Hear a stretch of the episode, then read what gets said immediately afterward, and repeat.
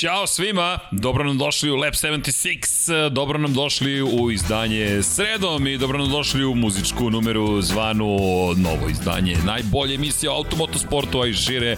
Ko zna čemu ćemo pričati, u svakom slučaju decembar je počeo, brkova, brade više nema, makar kod nekih, ali naravno kada rečemo Moto Grand Prix-u, gospodin Deki Potkonjak i naravno da je brada prisutna sve, sve srebrenija i srebrenija, ali ali juče smo ustanovili, dobro ti stoji deki, pazi, tako da je sve u redu.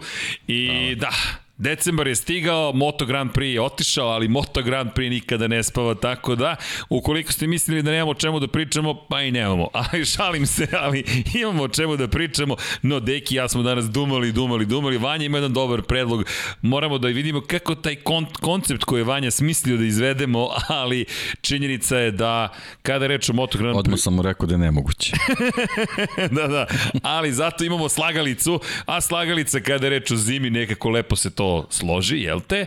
I naravno priča o tome ko sve slaže koju slagalicu, ko gde dolazi, ko odlazi, šta se zapravo zbiva. Ljudi, ovo je možda i naj tiši mesec koji imamo u svetskom šampionatu u motociklizmu i mi se nadamo da ćemo imati uskoro i neki goste, da ćemo biti na jedan drugačiji način Lab 76 i predstavljen i prikazan kao što smo i nekada radili. Nismo odustali od toga, ali sezona bila brza, uzbudljiva, puno novih i starih momenta, penzija, svakakvih iznenađenja, novi šampion sveta, mnogo toga smo radili i iz te perspektive polako li sigurno nadam se da nam se vraćaju gosti. Ali kada krećemo već u novi Lab 76, da kažemo ono čuveno, udrite like, naravno udrite subscribe i naravno pre svega, nadam se da ste dobro da se mazite i pazite i da vodite računa i vozite računa jedni o drugima i da činite neke lepe stvari. Roze boje tu čisto da nas podsjeti da iako je decembar, možemo i dalje da podsjetimo dame da se provere borba protiv raka dojke, da citiram gospodina Aleksandra Đankića, uvek traje. Pogledajte samo ovo, ovo su inače propusnice iz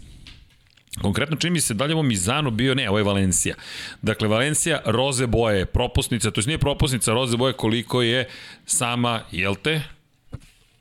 Kao što možete da vidite, ne mogu baš da navučem ovako jednostavno, ali roze boje i to je lepo što se promoviše na svakom koraku praktično. Tako da, proverite se, momci, prošlog meseca smo pričali o tome da se proverite kada je reč o borbi protiv raka testisa, protiv raka prostate i nastavit ćemo još neko vreme da vam pričamo o tome. Hvala inače OMV-u za podršku za cijelu emisiju i za podršku u celom Infinity Lighthouse-u. Drago nam je lepo što imamo sponzora do polovine decembra, nadam se da će se i to nekako nastaviti. Nekako kampanjski nam dolaze, ali vidite da smo mi krajnje verni naftnoj industriji. Sad, ko, kome smo verni? Pa onima koji najviše vide u celoj ovoj priči. Kada već pričamo o tome šta se vidi, par stvari, mada možemo vanje da krenemo od Rosija, pa ćemo da skočimo na crveno i crno, pošto je danas priča o Moto Grand Prix, za one koji su zainteresovani, knjiga polako li sigurno ide u štampu uskoro, Valentino Rossi sve moje trke Meta Oxley je napisao jednu moram reći, divnu monografiju. Cela karijera Valentina Rosija od 1995. čak kada je bio u šampionatu Evrope, pa i pre toga priča o tome kako je došao do šampionata Evrope, da saznate koliko je Lučio Čekinelo možda ili ne bio dominantan u tom šampionatu i šta je sve Lučio radio u tim nekim ranim godinama kada su veliki rivali bili, pa sve do 2021. uključujući i fotografije sa poslednje trke, uključujući i opis poslednje trke, imate to na našem sajtu, imate u mogućnost da kupite u pretprodaju popusti 30% u ovom momentu za knjigu koja je posvećena Valentinu Rosiju, tako da ako sam dobro zapamtio, 3247 dinara, monografija na 336 strana u boji. Tako da znate, kunzruk papir 130 gramski unutra, 140 je ono između i 150 gramski plastificirani, tako da znate, tvrdo, tvrda korica je u pitanju, vrlo ozbiljna monografija, nismo se šalili kada smo ovo radili. Niste štedili. Ne, ne, ne, apsolutno, ne, ne, ovo je baš, ovo smo baš ponosni, ali prvi ponos, naravno, crveno i crno Šumacher gospodina Dejana Potkonjaka, tako da znate, sve ih je manje i manje na raspolaganju. Deki, morat ćemo da razmišljamo o nekom reizdanju. Dobro, vidjet ćemo. Do, dobro, po jedno, jedno po jedno, ali u svakom slučaju crveno i crno, Šumacher, Dejan Potkonjak takođe shop.infinitylighthouse.com ponosni smo na ovo, volimo knjige, a takođe na taj način nas podržavate i naravno kada je reč o podršci, hvala našim pokroviteljima, bez obzira što u decembru možda nema mnogo vesti iz Moto Grand Prix-a, imamo 105 Patreona, to jest naših pokrovitelja i tradicionalno većini čitamo imena i prezimena, tako da odatak ćemo da krenemo, tako da dok, ja, dok krene emisija, deki, pa 10 laganih minuta, bez ikakvih problema, patron.com kroz Infinity Lighthouse, Sava, Toni Ruščić, Mario Vidović, Ivan Toškov, Stefan Durić, viš glas se popravio, Marko Bogavac, Ozren Prpić, Marko Mostarac, Nikola Grujičić, Aleksa Vučić, Zoltan Mezej, Zoran Šalamun, Miloš Banduka, Laslo Boroš, Đorđe Radović, Ivan Simunić, Mihajlo Krgović, Nena Divić, Nikola Božinović, Monika Erceg, Omer Kovačević, Filip Banovački, Miroslav Vučinić, Predrag Simić, Žorž, Stefan Vidić, Mlađan Antić, Jelena Mak,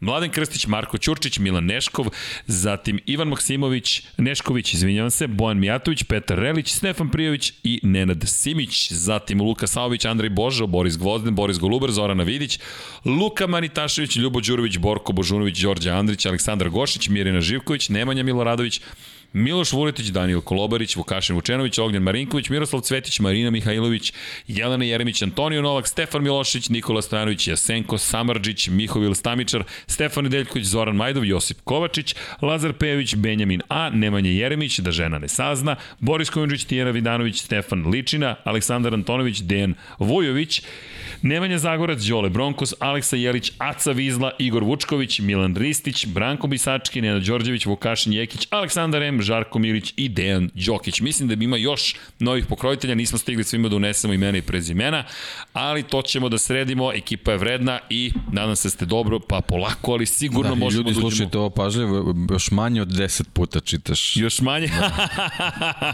pažljivo da, ali, slušajte, zapamtite, šta ćemo da radimo od 1. januara, deki? to moramo dobro da razmislimo, ali nemojte da brinete, ispoštovat ćemo naše pokrovitelje. Kako, kako? Video na kraju, ne, mora na početku. Kako na kraju, Vanja, i to ćemo ići, to moramo neki, neki magiju, magična soba da nam proizvede neki super efekt. Magična soba, inače, naša soba naših kreativaca i večera smo rekli, ajmo da se družimo malo, ali Vanja, da mi krenemo sa našom muzikom, da krenemo uzbudljivo veče, neverovatnih informacija, vesti i zabave iz sveta Moto Grand Prix-a. Gospodin Potkonjak je tu, naravno, prisutan, gospodin Milićević i moja malenkost, mi smo jedini u studiju na kraju univerzuma. Ljudi, svi su otišli na zimski san. Ni ne čudi i Dom Pablo, vreme mu je malo zimski san da potroši kalorije koje su skupljene tokom leta. S druge strane, kreativci naši su se naradili i tek će u pripremi 99 yardi, danas smo imali NFL podcast, oni koji su se pitali gde je, ponovo je tu na ovim talasima i naravno sve je spremno za početak druženja. Da krenemo mi od Moto Grand Prix. Pusti, pusti muziku, neka ide, neka ide, neka ide Vanja. Vidi kako je zabavno. Opa! Može i dvoplon. Da vidite, to se zove dvoplon kada smo nas dvojica u, jel te, u, u kadru. Ej, spremamo kafanu, spremamo jelku, spremamo ukrase, sve je spremno za proslavu, pa kada je sve spremno, udrite like, evo kod Dekija je patkica čuvena, tu su Bengalsi, hoćeš da daš komentar za Bengalse? Zašto? Juče su ljudi pita. fair enough, fair enough. ne mogu, moram večera se koncentrišati na nešto drugo. Ne mogu o Bengalsima nikako. E, šta, šta se tu događa večeras? opet, jel opet? Pa da. Naravno, juče Juventus, danas... Da, ništa bitno, samo Merseyside derby, ali dobro, nema veze. Izvini, deki, A, ali, dobro, ali dobro, okay. pratiš, pretpostavljam, vrlo pažljivo. Naravno. Da, za one koji su možda prvi put sa nama veliki ljubitelji futbolskog kluba Liverpool, zato i zastava You'll Never Walk Alone iza Dekija i naravno pozdrav za Vladu koji nam je poklonio zastavu. Ljudi, iskupili smo se za Moto Grand Prix-a, pa da krenemo od ove naše slagalice. I dalje se događaju stvari, dakle nije da je sve nekako utihnulo u potpunosti, ugovori, deki, pljušte tamo gde ih nismo ružno očekivali. Jedan od tvojih predloga za naslov je bio zapravo da pričamo o menadžerima ekipa i da složimo slagalicu, krenuo bih, to je negde opet tvoja ideja, da krenemo od vozača, da vidimo ko je gde za narednu sezonu i da vidimo ko će koga voditi u celoj ovoj priči, a malo ćemo da ubacimo u sve to i ko je čiji inženjer za narednu sezonu. Pa da, eto, za razliku od nekih drugih disciplina u Moto Grand Prix-u, ako nešto znamo, to je raspored vozača Jeste. po ekipama. Jeste. Ove, ovaj, neke druge, druge stvari su onako ostale uh, nedorečene i eto, za, za divno čudo čak je tu krenula neka, neka borba oko, oko jako važnih ljudi, pretpostavlja se ovaj, u, u sledećem periodu, tako da eto, to je onako uh, razlog zašto, zašto je ovaj, jedna od reči u, u naslovu slagalica. A što se tiče vozača, izgleda ta, ta puzla je složena. Složena, da. Samo da podsjetimo za one koji eventualno ne znaju, a i da znate, pa volite valjda Moto Grand Prix, zato smo svi zajedno ovde. Aprilia Racing, RSGP motocikl, Maverick Vinales, Aleš Espargaro. Da. Uh, iskusna, iskusna, da, da, iskusna postava. Vrlo. Nema, nema, ovaj, nema dileme. Uh, Ovaj, Aprilia od sledeće sezone je full fabrički tim, ovaj, nema više saradnje sa, sa Gresinijem, to je bilo negde otprilike, ako sam dobro izračunao, 7 godina, ali tako otprilike? Jeste. je, je, je, je taj, ovaj, ta avantura, avantura trajala, nažalost, ovaj, sam Fausto Gresini eto nije nije nije doživeo da vidi da vidi Aleš Espargara na na podijumu i taj taj ovaj veliki rezultat, eto zbog toga i, ostaje ta tuga i naravno i ovom prilikom se setimo Fausta, eto koji je nažalost izgubio bitku sa, sa, sa COVID-om. Uh, Maverick je stigao posle eto svoje, svoje izuzetno turbulentne sezone ovaj, i, i, i ovaj, iz, iz nekih njegovih razloga i nažalost eto i tih nekih porodičnih tragedija koje su koji su se desile. Da. Ovaj, naravno bilo je bilo je i, i srećnih događaja rođenje ćerke i, i baš onako izuzetno izuzetno turbulentna godina za njega. Ovaj iskreno se nadam da se da se i on ovaj da će se pronaći u stvari, ne možemo da govorimo u, u, u, u sadašnjem vremenu zato što ti rezultati dalje nisu bili na, na, na nivou kako, kako bismo mogli od njega da očekujemo, ali eto, nadam se da će se ovaj pronaći u aprili da ćemo sledeće godine imati onog Vinjalesa kako smo bili na, na početku njegove motogram pri karijeri. Ovaj, tako da iskusna, dobra postava koja može da, da, da, da, da može da obećava, ali ovaj nekako obojici do sad nedostaje taj taj neki neki čarobni napitak, neki, neki taj ključni trenutak koji će, koji će prelomiti da vidimo da li zaista mogu da budu vrhunske zvezde u Moto Grand Prix svetu ili su eto samo u, u, u grupi tih dobrih vozača koji, su, koji će ostati zapamćeni u istoriji. Rekao si iskusni. 32 godine Aleš Espargaro, rođen 1989. Sledeće godine 30 tri godine puni, dakle čovek koji je u određenim zrelim godinama, nosi broj 41 za one koji su eventualno prvi put sa nama, malo ćemo se pozabaviti vozačima iz te perspektive.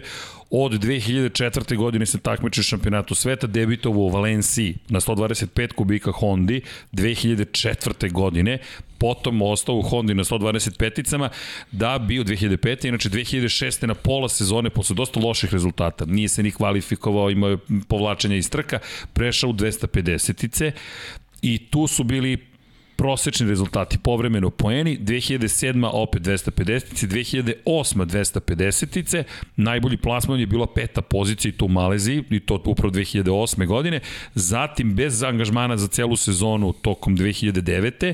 Dve trke u 250 kubika, ironija je ta prva trka u Holandiji povratnička na stazu, četvrta pozicija, zatim sedmi i onda stiže u Ducati kao zamenski vozač, pre nego što potpisuje ugovor za celu sezonu i opet ne tako dobra sezona, osma pozicija najbolji plasman, vraća se u nižu kategoriju, to vreme Moto dvojke 2011. godine i beleži prvi plasman na pobedničko postolju u Kataloniji na domaćoj stazi, da bi potom dobio ponudu da pređe u Art Grand Prix i sa nekom vrstom Aprilije, zapravo, sa Superbajkom suštinski, koji je bio u okviru CRT ekipa, nastupao u šampionatu sveta, kasnije je to postala, jel te, neka druga ekipa, međutim, neku zbiljniju šansu dobija sa Forward Yamahom. Zašto zbiljniju? U tom momentu Forward Yamaha imala Colina Edwardsa i bio tim koji je imao vrlo ozbiljne ambicije. To što je Forward umeđu vremenu posrnuo, što su skandal koji imao, zapravo skandal, lažna optužba da je prekršio poreske zakone šef ekipe Giovanni Kuzari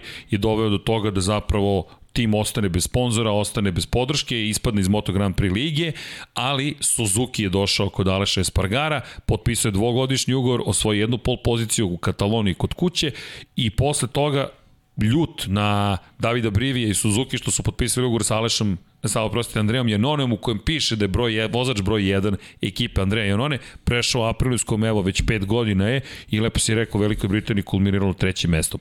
Tri plasmana na pobedničko postolju u karijeri, ali čovek koji je zadužen za razvoj Aprilije ove godine 120 poena, to je skoro pa u karijeri najbolja sezona, 126 imao baš sa Forward Yamahom, ovo je sad za 120 i osma poziciju u šampionatu sveta ove godine. Čisto mali podsjetnik ko je Aleš Espargaro, s druge strane Maverick Vinales 2011. debitovo sa Aprilijom, 125-ice, treći u šampionatu, treći u šampionatu naredne godine sa FTR Hondom, pa titula sa KTM-om i to ne sa fabričkim timom, iako ima fabrički motocikl, već je uspio da osvoji titulu sa timom koji je nekako bio uzvrtni tim, tri pobjede te sezone, samo uslovno rečeno, čuvena sezona sa Aleksom Rinsom i, i Luisom Salomom, zatim treću debitanskoj godini u Kalexu na Moto dvojkama i onda dve godine na Suzuki, uključujući prvu pobedu u Velikoj Britaniji, prelazak u Yamahu, 12. i četvrti sa Suzuki je bio, zatim treći, četvrti, treći, šesti prošle godine u prvenstvu i ove godine jedna pobeda na drugom mestu i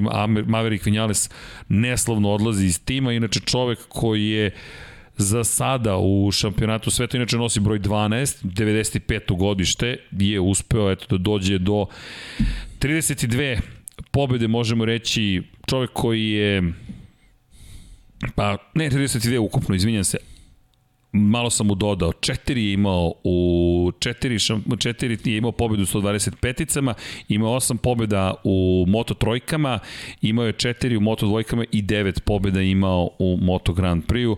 Čovek koji je, evo, nema još titulu, ne znamo šta će biti, 13 puta bio na pol poziciju na najčešće klasi ili deki, neko kao što si rekao, neostvaren u potpunosti. Neostvaren, ovo je jedino njemu ono, da se na, našlemo malo, može da ide u prilog što nekako u poslednje vreme e, momcima koji su dugo u nekoj ekipi i, i razvijaju motocikle ne pripada čast da zabeleže prvu pobedu za, za taj tim. Da, Tako da sve nekako vuče da će, da će Maverick Vinales ako sledeća godina bude ta godina za april i ovaj, da, da bude taj koji će, koji će da im donese prvu pobedu A inače, kad, kad, kad pričamo njih, njima, njima dvojici, pa samo, samo kratko i to da podsjetimo, što se tiče Aleša i Maverika, njihovi ugovori ističu na kraju sledeće sezone, tako da i to je dodatni motiv za obojicu da, da ovaj, zaista pruže sve što mogu, a, a po tim rezultatima stvarno jednostavno ne, nema razloga da, da, da, da pomislimo da, da, da, je, da je taj talent negde, negde nestao, nego jednostavno potrebna je motivacija, koncentracija i jednostavno fokus na, na to šta se dešava na stazi. Što se tiče Aleša, znamo, ove sezone bilo je dosta tih nekih izjava i mnogo više pričao van staze nego, nego na, na, na, na, na samoj stazi. Neki je pogodio onako baš, baš u centar, ovaj, sa druge strane bilo nekih malo promašenih izjava, tako da mislim da onako, eto, čisto bih trebao malo manje da, da vodi računa o tome, malo više da, da razmišlja o stazi, kažem posebno zato što će ovo sledeće godine biti prva prava fabrička godina Aprilije i, i mnogi oči će biti uprto to kako će oni da se, da se ovaj, praktično formiraju i, i funkcionišu na stazi, a što kad, kad već pričamo o ugovorima treba reći da je Lorenzo Savadoriju koji je takođe priličan doprinos dao u razvoju tog motocikla, bez obzira koliko god njegovi rezultati na, na, na trkama to nisu govorili, on za nekoliko dana ostaje bez ugovora. Tako da tu možda postoji mesto ako ne bude bio ovaj ugovor sa sa Savadorim obnovljen da da možda i tu vidimo nekog bivšeg kako bih rekao vozača. bivšeg kvalitetnijeg vozača koji će možda pomoći ovaj Aprili i pojaviti se ponekad i na nekim stazama. Tako da, eto, to, to je taj, taj neki plus koji nas možda očekuje vezano za aprili. Da, velika promjena kada je reč o, kada je reč o, o, o šampionatu je to što dolaze kao fabrički tim. Mi do ove godine smo pričali zapravo o timu koji je privatni, Fausta Gresinija koji ima podršku fabrike, ali da bi ušli bukvalno u šampionat sveta morali su ovim putem da idu. Imamo samo dve Aprili, dve RSGP, dva RSGP motocikli, inače šefovi ekipa za narednu sezonu biće Antonio Jimenez i Giovanni Matarola. Matarola koji je prvi put bio šef ekipe upravo Luki Savadoriju. U septembru prošle godine je postao šef ekipe, do toga se bavio razvojem ramova i nema toliko iskustva, ali polako li sigurno počinju da rade i sa špancem, sa, sa, sa špancem, kojim špancem, sa Maverikom Vinjano će raditi, inače Antonio Jimenez, kao što smo rekli, će biti zadužen za Aleša Espargara, samo pričamo ko je složio kockice. Šta će biti polako, kada dođe Malezija, kada dođe prvi testovi, međutim ovo, ovo će biti zanimljivo vidjeti zapravo ko u toj celoj priči ko u celoj priči će se priključiti kao probni vozač, ukoliko naravno do toga da kažemo, dođe na taj način. Inače, 24 vozača od naredne godine, zahvaljujući tome što je Aprilia Racing ušlo u šampionat, tako da mi dobijamo dva nova vozača, do ove godine smo imali 22-icu, međutim nijedan tim nije prestao da postoji, i, to jest jedan je prestao, ali drugi je došao na njegovo mesto, RNF je preuzeo ulogu Petronasa, tako da zapravo Sepang Racing Team, SRT ne postoji, ali RNF je sada tu. E, ne gubimo Fausta Gresinija kao tim, Nažalost, izgubili smo ga kao čoveka, ali on je tu, živje, kroz svoju ekipu i porodica vodi ekipu. Ducati će biti zadužen za njih i to nam jeste sledeća fabrika. Inače, Aprilin tim je registrovan u Italiji, tako je to jedna od italijanskih ekipa i svi timovi koji koriste Ducati dolaze iz Italije. Ducati Lenovo tim je fabrički tim. Gresini Racing Moto GP je italijanski tim, Pramac Racing je italijanski tim i VR46 Racing tim je italijanski tim. Nalaze se na Desmo Sediciju, Ducati, Jack Miller, Francesco Banjaja u fabričkom timu, Enea Bastianini Fabio Di Gianantonio u Gresini, u Pramaku Joan Zarko Jorge Martin i u VR46 Luka Marini i Novajlija Marko Beceki. Dvojica Novajlija sledeće godine Ducatiju, Di Gianantonio i Beceki, ostalo sad već ljudi koji imaju makar jednu sezonu iskustva, pogotovo gledamo, verujem, kada ne Bastinu, ali krećemo, krenut ćemo naravno od fabričkog tima Jack Miller, Francesco Banjaja i ono što si rekao malo pre, svima ističu ugovori na kraju 2022. Da. Mislim će da biti luda sezona da, bez promena. Ovaj, zapravo smo rekli što se tiče fabričke ekipe Ducati, ista je priča sa Millerom i Banjajom. 22. označava kraj sezone 22. označava i, i, i ovaj kraj, kraj njihovih ugovora, tako da to je neki dodatni motiv za obojicu, mada mislim da to što se tiče njih apsolutno neće, neće biti toliko bitno ovaj, ova sezona je, je pokazala koliko je teško i kako je ozbiljno breme biti fabrički vozač fabrički vozač Ducatija ovaj, ta, ta neka istorija koja ih prati da, da, da a, imaju ogroman i ozbiljan potencijal koji se ne jednostavno ne, ne, ne, ne oslikao dovoljno kroz, kroz vozačke titule ovaj, je, je zadesio i, i, i Millera i Banjaju. Posebno mislim da je Jacka Millera ovako ozbiljno uzdrmao i, i, i pogodio. Imao je i on ovaj, kao i dosta vozača na gridu operaciju vezanu za, za te mišiće ovaj, u, u podlaktici. Međutim i posle te operacije nije, nije se vratio na, na neku formu sa po, bukvalno sa, sa početka sezone kako smo možda očekivali od njega, sa druge strane Francesco Banjaja imao je ozbiljan, ozbiljno dobar drugi deo sezone i to je ono što su što u stvari pravi vetar u za, za čitavu ekipu da da ovaj da to što su preto, pretočili u, u tu ovaj kako bih rekao, uspešnu, uspešnu ovaj polovinu godine nastave i u, i u 2022. Da, Banjaja po svemu onome što smo videli u završnici najozbiljnije deluje. Dobro je završio pre, poslednjanska testiranja, dobro je završio godinu. Ozbiljno delo je motocikl koji su pripremili, polako i ti ja počinjemo sve više da pričamo o RC211V, čuvenoj Hondi, koja je najkompletniji motocikl koji se do sada pojavio, međutim ovo remek delo, ovo čudo tehnologije koje Ducati pripremio, deki meni delo je da se polako približamo toj vrsti savršenstva i ti često napominješ, spominješ Formulu 1 i 90. Ovo je zaista ta vrsta Pa vidi, ako se sledeće godine to stvarno ispostavi kao tačno vezano za, za taj razvoj Ducati da su da, da će 2022. biti neki trenutak gde će dostići taj maksimum, pritom znamo da je to odložena priča i da to sve trebalo da se desi možda već ove godine, ali, ali zbog, zbog pandemije i, i, i su i ta, ta tehnička pravila ovaj, prolongirana, to je promena, promena pravila, tako da ako, ako to za ovaj trenutak bude neki, neki vrhunac razvoja, jednostavno moramo da, da očekujemo da će i ostale ovaj, fabrike krenuti tim putem i onda samo možemo da, da zamislimo šta nas čeka 23. ili recimo 24. godini kao nekoj sezoni gde nadamo se naravno da će, da će svi, svi ovi problemi koje globalno imamo da, da prođu i da, da, da će moći da se ovaj normalno formiraju i, i sezone i, i ovaj predsezone, testiranja. Mogu samo da zamislim šta nas u, u tom tehničkom razvoju očekuje u sledeće dve, tri sezone. A pazi, Joan Mir koji se sada oglasio, e, moje mišljenje, iako pričamo sada o tome ko je složio slagalicu, vidi, čućete i priču naravno šefovima timova, kto je, ko je gde i ko stiže, za koga se sume gde će da ode, ali meni je zanimljivo što on sada već rekao kraj 2021. je da treba razmišljati o tome šta posle 2022. i šta posle Suzuki-a, Joan Mir koji je dosta toga postigao, dosta, postao šampion sveta, videli smo da je vrlo pouzdan vozač, sad zamislimo njega, na primjer, na Yamahi. Namerno kažem Yamaha, s obzirom na činjenicu da su to najbliskiji, najsličniji motori Suzuki i Yamaha, međutim, mogu da ga zamislim i na nekoj zveri poput Ducati, mogu da ga zamislim i na Hondi.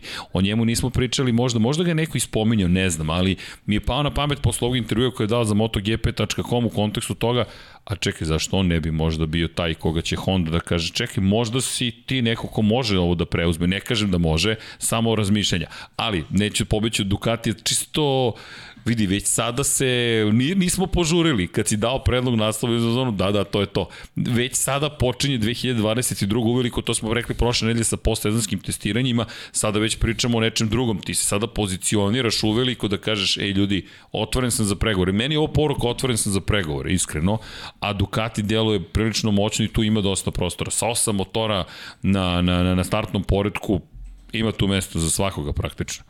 Pa ima mesta, sad tu je, tu je jedini problem što, što, što će ta sledeća sezona zbog tih a, novih motora i novih motocikala generalno biti prilično zahtevna pre svega u finansijskom smislu. A tu postoji eto ta jedna grupa vozača koje se ovaj na neki način izdvaja po svojim rezultatima, samim tim i po svojim zaradama, tako da mislim da će tu tu biti ovaj uh, već sredinom sledeće sezone da će krenuti ozbiljna igranka što se toga tiče vezano za pripreme za 20 za 23. upravo zato što zbog tih stvari koji si naveo da većini vozača na na gridu već na kraju sledeće sezone ističu ugovori tako da ja mislim da će da će letna letnja pauza sledeća po, po tom pitanju biti onako prilično uzbudljiva i mislim da ćemo na toj letnjoj pauzi imati šta da pričamo. O, i, o, i tekako. Da. Ali pazi, znaš što mene zanima? Vinjales je potpisao ugovor produženje u januaru. Ja imam osjećaj da će najveće zvezde biti već u Maleziji izvoli papir, izvoli papir, šta želiš, šta želiš, šta želiš, znaš, a to će potom da utiče na ovo što si rekao, pa, on, da će biti po, ludo. Po meni e, čitavu priču, čitavu, čitavu tu trku vezanu za, za te ugovore a, predvode upravo trojica vozača koji su ove sezone završile na prve tri pozicije u šampionatu. Dakle, Fabio... Apsolutno i definitivno. To je to. To je to. to, je to. Dakle, Fabio Quartararo, Francesco Bagnaia, Joan Mir, to su ljudi koji vode glavnu Tako reč. Da, da, Mir je. meni je fascinantan, Mir što je pokrenuo tu priču sada i što je sada već progovorio, čekaj, prvi je decembar, stani, gde, zašto, kako. Ja mislim da to je poruka Suzuki-u hoćete da radimo ili nećete da radimo. Da. Ja, tu je već, Suzuki već, već Suzuki neke, neke i dalje loše poruke šalje, a, posebno ova, ova poslednja priča oko Giudoti, ali ajde vratit ćemo se o, o, o tim, tim menadžerima kasnije, ali čisto sad da ga, da ga spomenemo, a, čovek je završio KTM-u, a bila je ozbiljna priča kad, kad je ovaj, postalo izvesno da će otići iz Pramaka, da, da će možda završiti u Suzuki. Eto, Suzuki tu priliku propustio Jest. i dalje je u situaciji da, da nema tim menadžera i njih njihova slagalica je daleko toga da je Ima jednu poveću rupu u sredini. Poveću rupu i ne mogu da, negde se zagubila, ne mogu negde ispod tepiha nekog e, čekaj, ne mogu da je pronađe. Kako slažeš slagalicu? Jel imaš neki koncept, princip ili slobodni pa, stil? U principu gledam da krenem od, od, od, od vršnih ćoškova. Aha, a praviš okvir prvo, ivice, pa onda slažeš ili... Pa ne? zavisi kako krene, ali, ali u principu te, te gornje ćoškove hvatam, pa onda polako krećem na dole, ali ako, se, ako krenu tu neku formu rama, ok, lakše je. Ali evo, dajte Lakše. komentar kako vi, koji ste sa nama, hvala, udrite like, kako vi slažete slagalicu. Da li krećete od sredine, da li krećete od ćoškova ili krećete od okvira, to jest rama, pa onda se evo, ide ka sredini ili imate neki drugi koncept. Meni to, evo, zanimljivo. Kako ili slažete slažete segmente pa ih, pa ih pridružujete. To, to. Ima i toga, može Na primjer, to, ja da. ponekad da radim kad je da. mnogo kompleksan, uzmem pa po boja. Aha, ova boja, pa ajmo to, pa ćemo ovo, pa ćemo da vidimo, pa onda koji su prelazi i onda se Inače, volao sam kao klijent, to mi je baš bilo onako zanimljiva razbibrika, simpatična je bila skroz. Vanja, ali imamo mi neku slagalicu? pazi, za ove zimske duge mesece, vidi koliki sto. Ja mislim da imam čak kući dve neslužene, neotvorene, neotpakovane. Jer ima veze s MotoGP.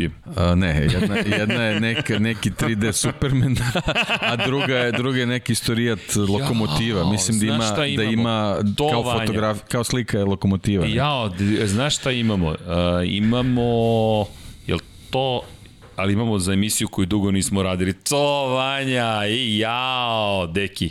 Da, eto. Budi eto, realan. to je to. Budi E, realan. takve lokomotive A? neke imam, da, da, to je to. Sad da. samo hiljadu komada. Pa to je, Ma to je ništa. To. Smart Cut Technology. Da. Smart Cut, Smart Guys. Mi ćemo ovo da sredimo. Ovo su inače međunarodne svemirske rakete. Dakle, koje su sve rakete korišćene? Deluje mi da, da nije toliko komplikovano, ali vidim par ovih crnih segmenata koji ozbiljan Par. problem mo- mogu da Ima tu naprave. zvezda u pozadini. Da, da, da, da. Ali dobro, e, Javlja mi se da je tu ozbiljan problem. E pa dobro, evo rodila se nova ideja. Šta šta šta šta sve možemo Rodila da se radimo? nova nada za Suzuki. To je za Lab 76 1000. Pazi, prošli smo 150, dakle, ludilo je totalno, tako da je sve okej. Okay. Ali, pobego ja za Ducatija, čekajte.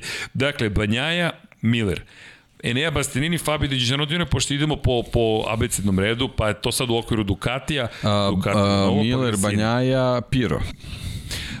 Piro kao probni Da. vozač, Da. to ne smemo da zaboravimo. Ne smemo, ne smemo. Da, da. Piro je stvarno čovjek koji, koji dugo godina tu ovaj, i, i mislim, mislim da ima da ima značajan značajan uticaj ovaj pre svega zbog zbog svojih ko zna koliko hiljada kilometara prevezenih na, na tim Ducatijima, tako da mislim da im, da im znači dosta, ovaj, znamo i, i, i da imaju i tu, i tu tešku povredu u Muđelu i, i zaista onako sastavan deo ekipe i, i naravno Stoner koji se pojavio sad u finišu godine, sad tu čekamo, to je to izgleda neki ekstra deo slagalice koji može da se, da se priključi Ducatiju. Se zove ekstra deo slagalice, šta mu to ne, dođe, ne, nemam znam. pojma, ne. Companion Nešto, slagalica. da, da.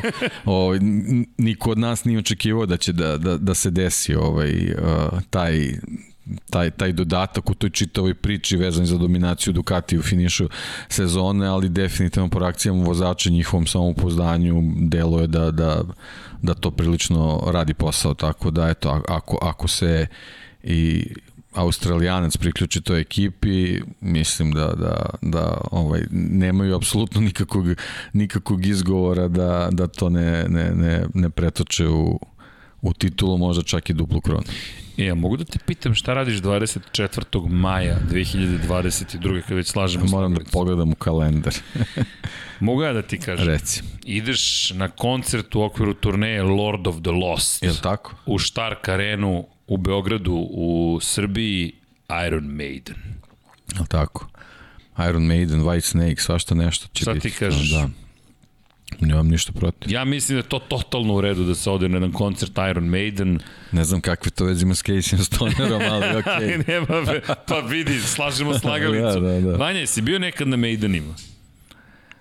Znaš šta radiš 24. maja 2022. godine? Pošto je to utorak, morat ćemo da snimimo Lab 76. Si imao nekad Texas jaknu bez rukava. Jesi imao nekad Texas jaknu, čekaj za početak. znači, prvo to, odatle da krenemo, pa ćemo... Jesi slušao nekad heavy metal? O, kad si bio mali, dobro. Malo, dobro. I Dobro. nije ti se svidelo. Nije, nije raspon mog ukusa je uglavnom hip-hop, ali sve. Kaže hip hop uglavnom. Pa i ovo je neka vrsta Ajmo. hip-hopa, Ovo je hip ima, da sad da li će, ne ima hop ima, da li će hip da preživi, to ne znamo. Ali dobro, mlaci, tako da taman, tako da znate, stiže Iron Maiden, to je to vest. Tako da, eto, možemo da napravimo neki, neki, jao, pa čekaj. Jao, Vanja, znaš koga ćemo da zovemo da bi znao, da bi zvao znaš koga? Sve jasno kao dan. Dobro? Sve smo se razumeli, mislim da ćemo da to da organizujemo. Elem, da se mi vratimo Casey Stoneru. Znaš zašto ima veze? Zato što Australija, eto zato. Aha, zato ti se... ACDC, pa onda da, da, da. skok na Iron Maiden. Da. To, to mi je veza zapravo u celoj Pa priči. Jumbo preko Kenske led, da, jasno. A naravno, jasno. Ed Force One i slično. Pa čekaj, imamo ovde Da. Maiden, imamo Maiden, je li tako? Pa čekaj. Sve na sto, sve na sto. Nemo vadiš jednu po jednu. Sve. Sve Imamo, dakle, on board flight 666, dobrodošli. Pa evo, nije to loše, deki. Jedna heavy metalska monografija. E, ovo treba da otkupimo prava, da štampamo. Mada nema da se prevodi ništa, ali nema veze. Možemo da kažemo prevod. Kako bismo preveli Iron Maiden on board? Let 666, ništa više od toga. Tako da, očekujte neke zabavne momente, vidiš, palo mi na pamet još nešto. Dobro, Dom Pablo će se silno obradovati. U svakom slučaju, Casey Stoner jeste pojavio se, bitan je faktor u celoj priči i to je možda i najbolji. Još ako sedne na motocikl, ne kažemo da hoće, onda Ducati ima mnogo više mogućnosti nego što i ko očekivao zajedno sa Mikelom Pirom. Ako dodamo Stonera koji već onako pomaže, to zaista može biti veoma, baš, baš veoma ozbiljno i deluju kao da su spremni da osvoje titulu broj 2 u svojoj istoriji. Casey Stoner im je doneo jednu, jedinu 2007. godine, zaista impresivan te godine. To je već davno bilo. Pazi, da, To je- godina, deki. To je Mi baš pričamo o toj tituli kao, znaš, Casey Stoner, to je tu nek, to je mnogo, mnogo sezona Jeste. zaista i to uopšte ne ide ovaj, Poslednji put kada ruku. je Ferrari osvojio titulu, Ducati je osvojio titulu. Casey Stoner i Kimi Raikkonen te godine, zar ne? 2008. je Lewis Hamilton osvojio titulu, 2009. Jenson Button, 2007. osvojio Kimi Raikkonen, to je poslednja titula Ferrarija za sad, Ducati te iste godine. Jel to Vanja, skrećeš pažnju da je vreme da pređemo na sledeću ekipu? Nema problema ako Vanja, Vanja nešto sređivao na stolu, ali zvonce se oglasilo. Ok, sledeća ekipa je Gresini Racing MotoGP, Enea Bastianini, Fabio Di Gianantonio, Ok, Enea, broj 23. Da, samo da napomenemo, kada je reč o Jacku Milleru i kada je reč o, o, o Francesco Banjaji, to su, volimo da pratimo ko koristi koga i zapravo ko sarađuje sa kime iz perspektive Casey Stonera, hajmo da se dotaknemo i toga, nemoj zaboraviti, Christian Gabarini je čovjek koji sarađuje sa Francesco Banjam. Christian Gabarini jeste inženjer koji je sarađivao sa Casey Stonerom dok je Stoner osvajao titule i u Ducatiju i u Hondi i on je tu. Christian Gabarini vrlo naporno radi od početka karijere još u Pramaku dok je bio sa Banjajom Tako da je reč o, o, o Stonerovoj ekipi. Često pričamo o tome da je Valentino Rossi nasledio ekipu Mika Duana. Na neki način je Banjaja nasledio najvažniju osobu u ekipi Casey Stonera ili ekipama. S druge strane, Christian Populin je zadužen za Jacka Millera, ostaju zajedno. Inače, došao je Populin zajedno sa, sa možemo reći i sa Gabarinijem u fabrički tim. Gabarini nekako može i da bira gde hoće da bude. Populin nije baš bio u toj situaciji, ali došao takođe iz Pramaka i ostaju zajedno. Da, prosto ne zaboravimo ko su ljudi sa kojima će sarađivati. Elem, što se tiče ne Bastianini, Fabio Di Gianantonija, Gresini Racing, vrlo zanimljiva ekipa Gresini Racing, makar ja mislim da je veoma zanimljiva, s obzirom na činjenicu da imaju mega talentovanog Bastianina koji mnogo sazira. Pa i, i s obzirom na činjenicu pre 3-6-5 dana u kakvoj su situaciji bili, ovaj, zaista je bilo teško i, i predvideti da li će uopšte ta ekipa postojati u ovom trenutku. Međutim, eto, zahvaljujući pre svega familiji Gresini koja je ovaj, stala iza, iza sna uh, Fausta, ovaj, eto njegova supruga Nadija Padovani koja je koja je odlučila da, da, da, da preuzme čitavu priču oko ekipe, ovo, eto, zahvaljujući njima mi imamo Gresini im i dalje, i dalje na gridu, ovoga puta sa, sa Ducatijem i, i ono što je, mislim, veoma, veoma bitna stvar, uopšte nije nezanemarljivo da, za, za, za čitavu ekipu što ima dvojicu mladih vozača, onako ozbiljnu mladu krv koja ovaj uh, koja može mnogo toga da donese, posebno ako sezona krene, krene u nekom pozitivnom smeru. Imamo, imamo Eneu koji je ovaj,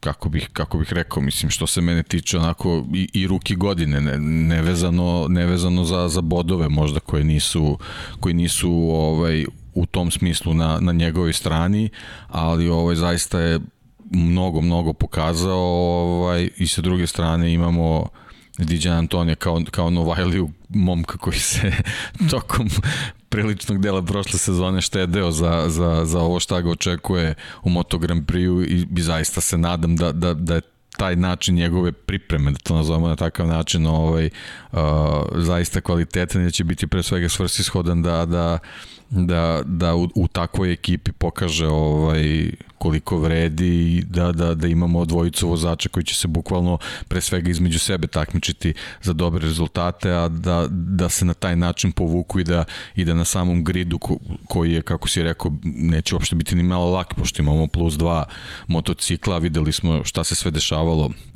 u ovoj i u, i u prošloj sezoni koliko je teško uopšte se naći među, među deset da ćemo ovaj, eto, ipak imati prilike da i njih vidimo u takvoj situaciji kao što smo Eneo recimo imali ovaj, na, na tom Ducatiju samo, samo u drugoj ekipi. Tako da mislim da je to ovaj, o, jedan dodatni plus za, za Gresini. Mislim da će se oni generalno kao ekipa dobro, dobro snaći u toj čitoj priči, su prilično iskusni. Meni eto samo ostaje taj žal što nažalost nikad nećemo saznati kakav je Fausto imao ideje za, za ovu sezonu da. gde je u stvari Aprilija, Gresini Aprilija mogla da bude ove godine. Eto, to, mi je, to je onako što mi je stvarno, stvarno žao.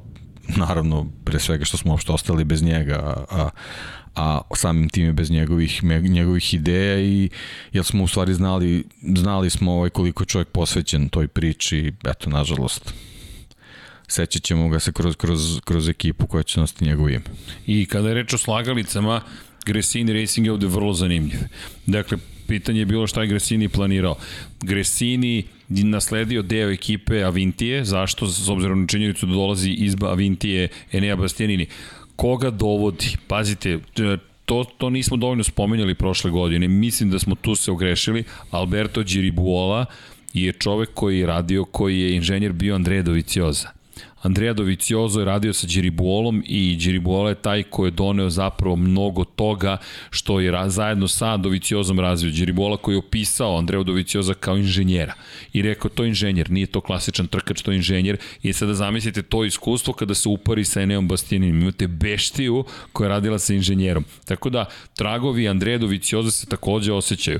Kao što je Stoner ne, na neki način pomogao da se razvije mit, možemo reći, o Gabariniju i obrnuto. Gabarini pomogao da se razvije mit o Stoneru. Giri Buala je sarađivao sa pobednikom, sa nekim ko se borio za titulu, ko je pobeđivao Marka Markeza i mislim da je to u velikoj meri pomoglo i Bastianini. To nekako nismo dovoljno spominjali, a vredi spomenuti. Giri Buela nastavlja putovanje, ide u Gresini Racing zajedno sa Beštijom i mislim da će Gresini biti značajno ojačan time. To je čovek koji je radio u fabričkom timu, to je čovek koji je radio sa jednim ozbiljnim takmičarem koji je sada sa jednim Novajlijom postigao mnogo toga i sada dolazi ostaju italijanskom miljeu, dakle italijanski se dosta koristi u tim garažama, što nije mala stvar, isto kao japanski što se koristi kada znate Japan, kad biste znali japanski, bilo bi vam lakše raditi sa Hondom, Suzuki, sa Yamahom i tako dalje.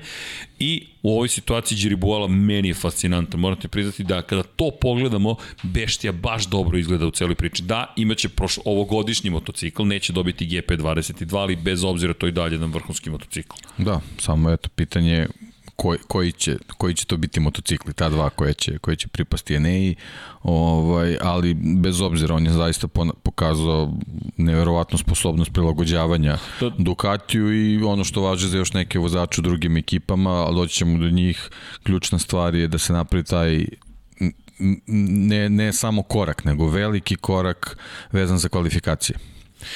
Ne, to je to je ono što što što ovaj čitava ekipa Gresinija ovaj mora da napredi što što kroz njihovu priču Aprili gde su videli ovaj šta su, šta su loše iskustva kad se loše plasiran na kvalifikacijama, to je ne osetio na svojoj koži vezano za svoje nastupe u, u, u Esponzorami. E, inače, treba napomenuti da se pridružio Sergio Verbena u celoj priči, čovek koji dolazi iz KTM-a. Tako da je zanimljivo koga su sve okupili. Inače, najnova informacija, to je informacija koja već neko vreme kruži, ali postoji uvek ta mogućnost, ko zna šta će, da li će se nešto promeniti naredne godine. GP21 je spreman za Beštiju. Sad, Da li će rezultati promeniti negde mišljenje Ducatija, ne znamo, ali ne bi bilo prvi put da se dešavaju takve stvari. Tako da mislim da Eneu baš treba pratiti. U najgorom slučaju 2023. mislim da otvara vrata. I deluje mi da ne samo Beštija, pa do nekli Diđan Antonio, ali i ostali vozači Ducatija Jorge Martin, Joan Zarko koji su inače u Pramaku i Luka Marina Marko Beceki mogu da gledaju ka fabričkom timu i deluje mi da zapravo trenutno je Banjajna pozicija mnogo bezbednija, ono što si rekao za Millera, da je Millerova sedište ono sedište koje svi jure ove godine, preostalih šest Ducatijevog vozača da gledajte kako ka Ducati ili novo ekipi i razmišlja o tome da li ja mogu da sedim tamo naredne sezone. Banjaja mi deluje bezbednije, M što se tiče vožnje, M što je Italijan to, to je takođe važan faktor. I to i, i nekako smo kroz ovu priču videli da polako njegova zvezda počinje da raste postaje, da. postaje pravi vozač zvezda, ono što, što uh, što šampionatu i Dorni uh, nedostaje, mislimo da se, mislim da se tu već isprofilisao ovaj, Fabio Quartararo i u tom, u tom kontekstu njemu se onako prilično, prilično približio Francesco Banjaje. Banjaja je u pravom trenutku, rekao bih, došao do izražaja. Ti si pričao o tome u momentu kada Valentino Rossi napušta sport i na neki način ostavlja vakum za svoje obožavaoce, svoje navijače, njegovu zvezdu ne možeš tek tako da naslediš. Ali ako postoji čovek kojem možeš da se okreneš, Dakle, to bi morao biti neko ko dolazi iz Akademije VR46, Italijan je, povlači tu vrstu emocije, te vrste asocijacije sa Valentinom Rosijem i još pride sad odjednom počinje da pobeđuje upečatljivo na Ducatiju I A to je ona All Italian priča koja je nedostajala kad je Rossi došao u Ducati, tako da će verovatno dosta publiku Italije da se poistoveti to, ovaj, toj, toj priči, tako da o, sa tom pričom, tako da možemo zaista da očekujemo da, da, da ćemo o, videti taj pravi tajming koji je koji je zadesio Francesca ne zato što je on sa to ovaj, tako planirao, nego jednostavno on nije imao izbora, to je, to je moralo tako da bude, tako da ovaj, sad, je, sad je na njemu da izgradi, izgradi taj svoj imidž i tu čitavu priču oko sebe i, i zaista mislim da ne postoji bolji trenutak od sezone 2022. Po tom pitanju apsolutno savršen, bukvalno savršen. E sad, Pramak Racing, Joan Zarko, koji juri prvu pobedu u karijeri i Jorge Martin koji već ima pobedu i već ima i renome, koji sada juri uspeh, to je juri konkretan rezultat i pričamo dosta o Francesco Banjaj, ali da li vidiš u Jorgeu Martinu pretnju čak i za tron, čak i za titulu, to je čovjek koji je svoju titulu u 2000, u, u Moto3 kategoriji u 2018. godini, s druge strane, iste te sezone Francesco Banjaj je bio šampion Moto dvojki.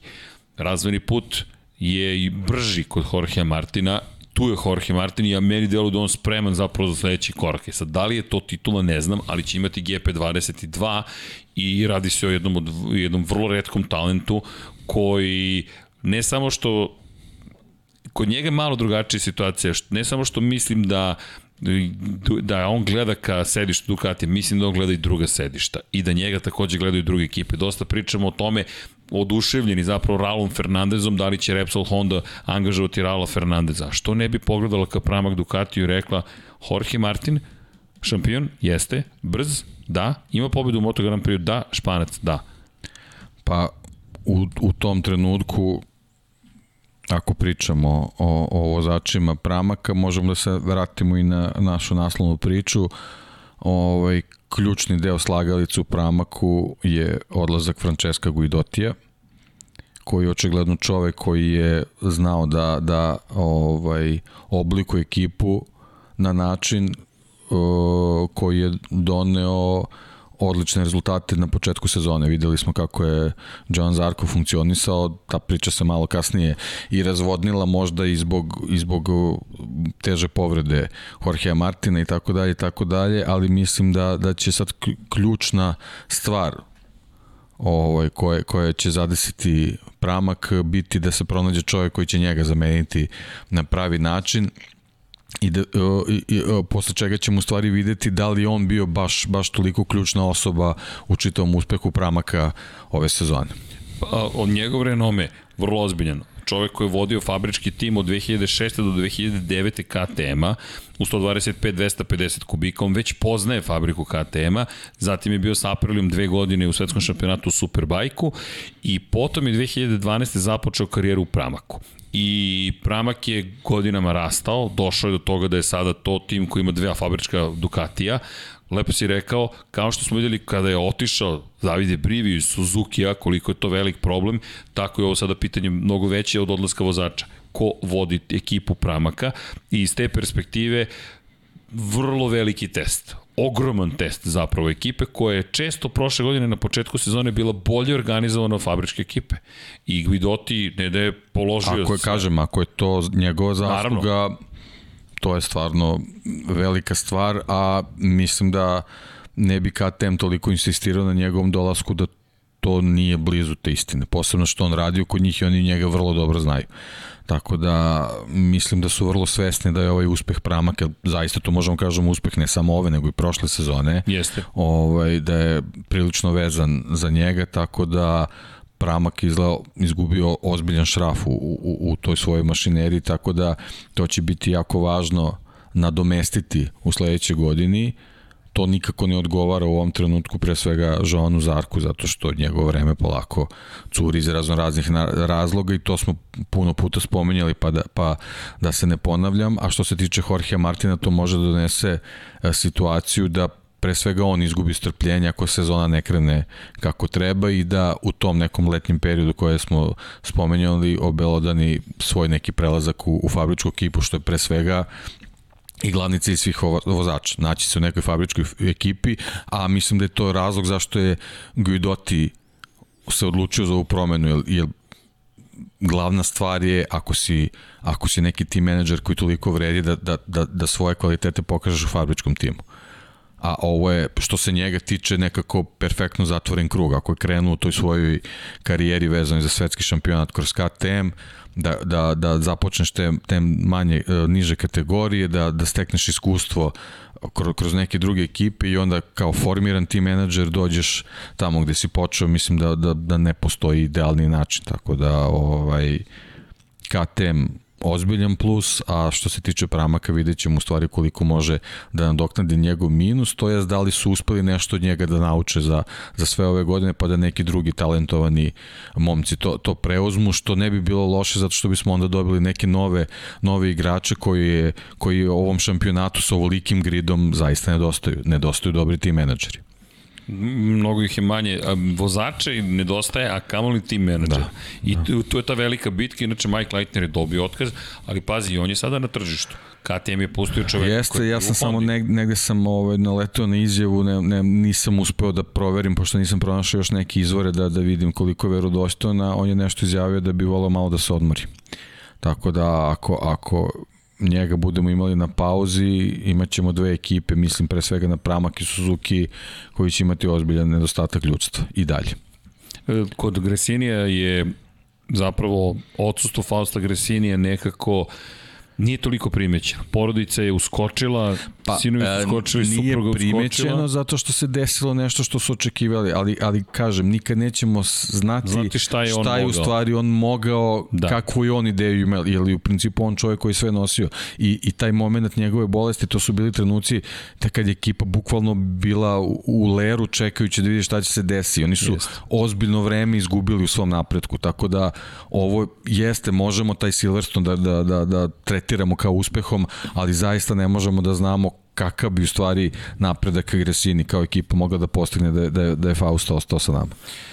Pramak u, u drugačijoj situaciji srećno svi su živi pre svega, ali ozbiljne promene. I zanimljivo je to ono što, što, što je u skladu sa svim što primećujemo u Moto Grand Prix ovih godina, koliko je kompleksnost sporta dovelo do toga da ti je važan i svaki član tima, pogotovo neko ko treba ti organizuje ekipu. Menadžer ekipe čime se ovaj bukvalno menadžuje ekipu, on upravlja, on je rukovodilac tima, on je taj koji mora da organizuje ljude pre svega procese, procedure, organizaciju i ne samo da je uspostavi zajedno sa upravnim odborom, već da sprovede u delo ono što je zamišljeno. I on je jedno, ako ne najvažnije, ali nemaju taj status još uvek kao u Formuli 1, ali polako ga dobijaju. Kada pogledaš Gigi Dalinju, on je zvezda već. On je čovjek koji je bitan u pa, celoj toj priči. kako, tehnološki razvoj čitog šampionata ekipa jednostavno uslovljava da moraš da imaš čoveka koji koji može da diriguje tim stvarima. Znači ovo, ovo više nisu one, one klasične Ne. trke, ovo je, ovo je sad ozbiljna, ozbiljna organizacija, tako da moraš da imaš čoveka koji bukvalno može da se razume u svaki segment i, i, i koji je u stanju da, da, da na, na pravom mestu delegira prave ljude. Pa evo pogledamo i u, ok, kod Gresinija porodice preuzela glavnu reč, ali ako pogledamo Kapril i Massimo Rivola je mora da dođe kao izvršni direktor i menadžer tima da skloni praktično da pomogne zapravo Albisijanu, Albisijano koji je odličan tehnički direktor, ali nije mogao da upravlja ekipom i od kada se to desilo Albisijano mnogo bolji posao obavlja, ali opet bio je potreban Massimo Rivola da dođe da bi stvari počele da se pomeraju u pravom smeru.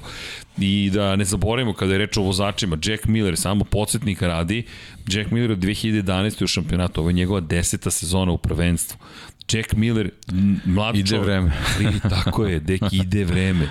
Ovo je već sada ozbiljna količina godina u kojima se on takmiči, a on je 95. godiš, on ima 26, mlad je čovjek, međutim ti si tu već 10 godina i ovo je četvrta bila u Ducatiju, tri si proveo u Hondi, pre toga si se takmičio u KTM-u, imao si jednu sezonu FTR Hondi, bio si i na samoj Hondi u Moto trojkama, pa i kada si debitovao na 125-icama, što u Aprili, što na KTM-u, mnogo toga si prošao. S druge strane, Francesco Banja je došao 2013.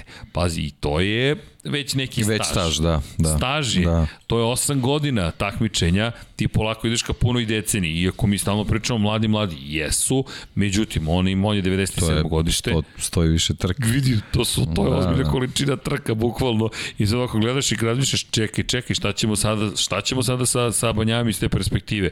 A onda pogledaš Jorge Martina, Jorge Martin koji je došao 2015. godine, pazi, dve po dve godine šesta sezona takmičenja, jedna titula i deluje kao da je zreo upravo za to. Inače, 98. godište, pazi, 23 godine ima Jorge Martin i onda dođemo do Zarka koga si malo pre spomenuo 90. godište. 31 godina, puni 32 to je već sada u tamo u ravni sa Alešom Espargarom. Dve titule šampiona sveta u Moto dvojkama, ali 2009. je debitovao. Pošto je osvojio prvi Red Bullov kup Novalija 2008 i bogata karijera, međutim još uvek nema tu pobedu i ne treba zaboraviti od 2017. u šampionatu Deki, ovo je njemu sada već šesta godina takmičenja. Mi imamo pet sezona u kojima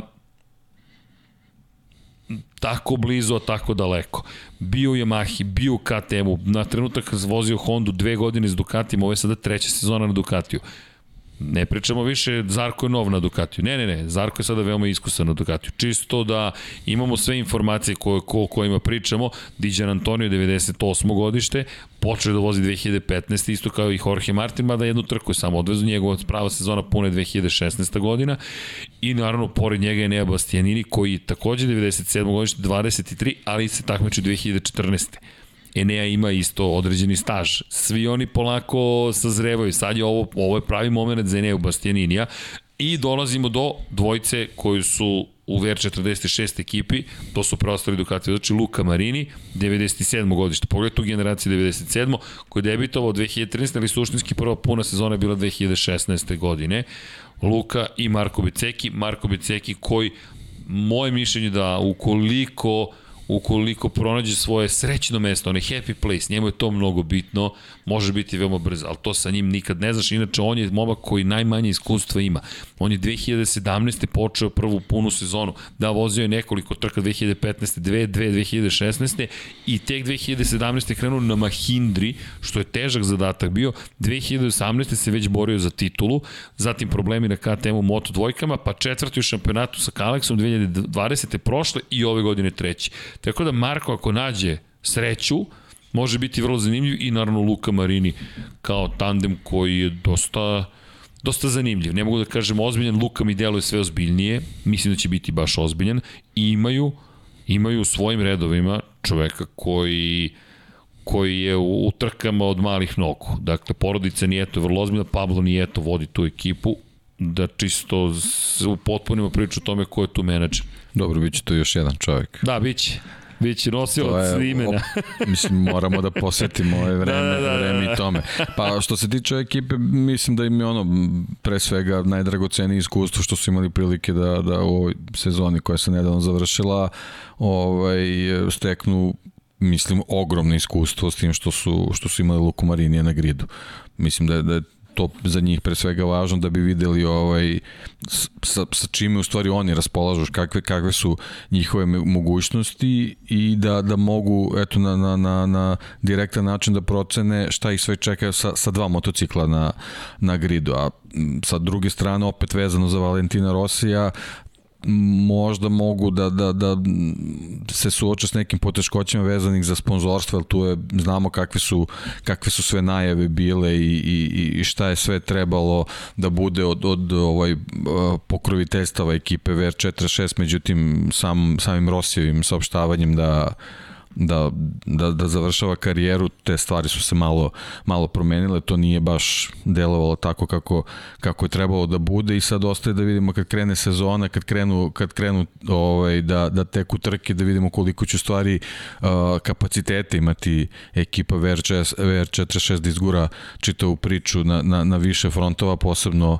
na Moto Grand Prix i naravno to je sad ono ključna stvar koliko će očiju biti uprtih u njih kad se, kad se gospodin VR46 pojavi, pojavi u garaži, tako da to će da bude onako baš, baš ozbiljno. Čuješ nešto da dodatno? Čujemo kao da li utakmica ili nešto. To je to. ne, nešto sam čuo kao da je prenos neki. Kada si čuo? Izvinjam se.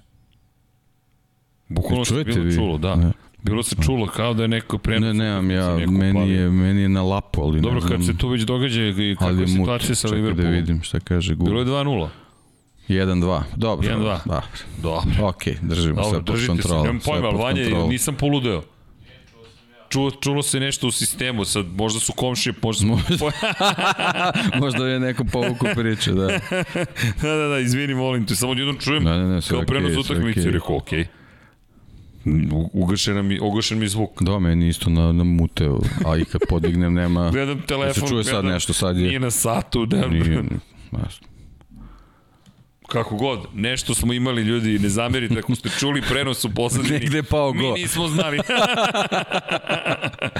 A, jako Da. je, ali dobro. Ne, ne, lepo si ovo rekao i za VR 46 ekipu, inače e, stalno pričamo o tome ko će tamo biti. Imate ono što je zanimljivo, David Munjoz stiže kod Luke Marinija i Luka Marini će dobiti novog šefa ekipe za one koji eventualno ne znaju. David Munjoz ima čast da je u grupi sa Silvanom Galbuserom, da je u grupi zajedno sa Jeremijom Burgessom, gde pa u grupi glavnih inženjera Valentina Rosija u njegovoj Moto Grand Prix karijeri. David Munoz koji je doveden zapravo iz Moto dvojki, VR46 ekipe da pokuša u poslednjoj sada, možemo da kažemo u poslednjoj sezoni Valentina Rosija da mu omogući da postigne neke bolje rezultate. To nije pošlo za rukom, ali Munoz je stekao jedno vrlo ozbiljno iskustvo, radio si sa Rosijem, sada će sarađivati sa njegovim bratom, tako da Luka Marini dobio novog šefa ekipe, a Mateo Flamini postaje vrlo važna ličnost. Mateo Flamini postaje šef ekipe za Marka Becekija. Za one koji eventualno ne znaju, je to je reč to je čovek koji je od 2004. sarađivao sa Valentinom Rosijem, Mateo Flamini je jedno od prepoznatljivih lica, prepoznatljiv po brčićima, stilu, dosta devojaka nas je pitalo, moram priznati, za, za, za Flaminija, evo, možemo da vam kažemo, tu će biti, bit će u šampionatu sveta, tako da neko ko se bavio telemetrijom pre svega, jel čuješ? Jel, jel čuješ? Nešto je- Jel čuješ? Nešto, Nešto smo pokupili negde, Nemam pojma. ali sve okej. Ček samo da im smanjen, smanjeno mi je ovo, ali Ne, ne, okej, nema ništa. čisto da znaš, deke, ni- nismo, nismo samo Vanja i ja, okej, Dobro, kremlini su tu. dobro, dobro. Onaj TV nije, Nije, ne igramo ne, Sony ne, večeras, da. sve je cool, ok, ko zna. Elem, Mateo Flamini će biti tu, mnogo ozbiljna ekipa kada pogledaš VR46 tim. I ja mislim da je to mnogo ambiciozni je, tim kažem, nego što pre su- svega zato što imaju to neko iskustvo iz, pro, iz prošle i- sezone, tako da I, i Rossi ima u sebe, to nije mala nisu stvar. onako, koji osvaja nisu grlom u jagode tu, nego zaista, Ne, zaista nešto... Mnogo je Da, ozbiljno. da, da. Znaš, s Ali jedne kažem, Rossi je tu dovoljno je. To je, Bukvalno je to dovoljno. Je, ovaj, to, je, to je taj segment koji se čekamo da vidimo šta, će doneti generalno što se tiče gledanosti Moto Grand Prix. Da, to je dosta pitanja. Primetio sam i kada smo počeli u četu je bilo pitanje ko će gledati, kako svi ćemo gledati. Svi gledamo ljudi, pa naravno komentarišemo, gledamo, pratimo, to je sport, to je šampionat sveta, ko zna šta nas čeka, mnogo uzbuđenja svakako, ali evo, već sada, čujte, naš, mi uvek nađemo priču, danas smo, kažem, pričali, šta ćemo pričamo, a i onda, i onda kreće priča, decembarske priče. Koji će naslov biti? Nema MotoGP-a u decembru ili ga ipak ima? Ili ima MotoGP, ima MotoGP-a? Pa nema Lepo šta, rekao, ova, ova vest vezana za Gu- Guidotija je, je nešto što, što je u stvari iniciralo priču da malo razmislimo oko toga ovaj, da, li, da li postoji toliki kapacitet vezan za, za stručni kadar koji treba da se nađe u tolikom broju ekipa sa, sa toliko vozača motocikala. To je sad jedan novi izazov koji, koji stiže ovaj, u, u ovaj šampionat posebno zbog tog teh, tehničko-tehnološkog razvoja čitave priče. To, znači, zaista su potrebni ljudi koji imaju i iskustva i, i znanja da, da se priključe ekipama, ali je generalno je problem što, što se takva iskustva e, nisu imala gde da se steknu, zato što jednostavno o, o, ovakav način šampionata, pre svega ovakav ritam razvoja kakav je Ducati nametno u poslednje dve sezone nije, ne postoji nigde vezan za dvotočkaše, tako da generalno to iskustvo jako teško steći, tako da generalno uzimati te, te momke, ako već pričamo i o VR46 koji su imali iskustva ovaj, u, u prošlom šampionatu drugim ekipama je zaista, zaista važna stvar. Ma, Imamo, pazi, ono što je zanimljivo, ono što si ti spomenuo, šta će biti sa Johanom Stegifeldom, koji je napustio RNF ekipu. Tamo ostaje Vilko Zilenberg, čovek koji je bio predodređen da zameni zapravo nezamenjivog Lina Jarvisa koji ostaje i dalje šef ekipe Yamahe. Dakle, ta struktura je davno postavljena pred dve decenije, praktično i dalje je tu u fabričkom timu Yamahe, ali ima tu nekih slobodnih igrača i to ono što lepo pitaš, da li ima kapaciteta, pazi, oslobađa se, iako, kao što si rekao, verovatno Leitner ide na odmor, ali biće tu neki... Kažem, nisam, ja sam to pročitao, ali nisam uspeo da nađem na više mesta, tako da nije proverena informacija.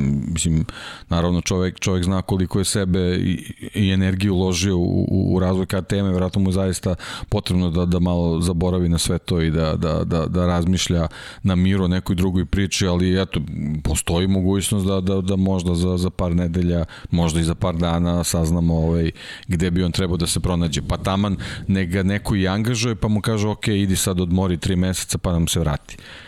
Ja ne bih propustio tu priliku ako čovjek trenutno slobodan da razgovara s njim. Niti Stegifelda, niti Suzuki. Leitnera. Pazi, Leitner je razvio ceo KTM, da, koliko da. on informacije ima šta može, pri čemu je Leitner došao iz Honda. Posebno što, što KTM ima tu neku filozofiju koja kao da preslikava Ducati.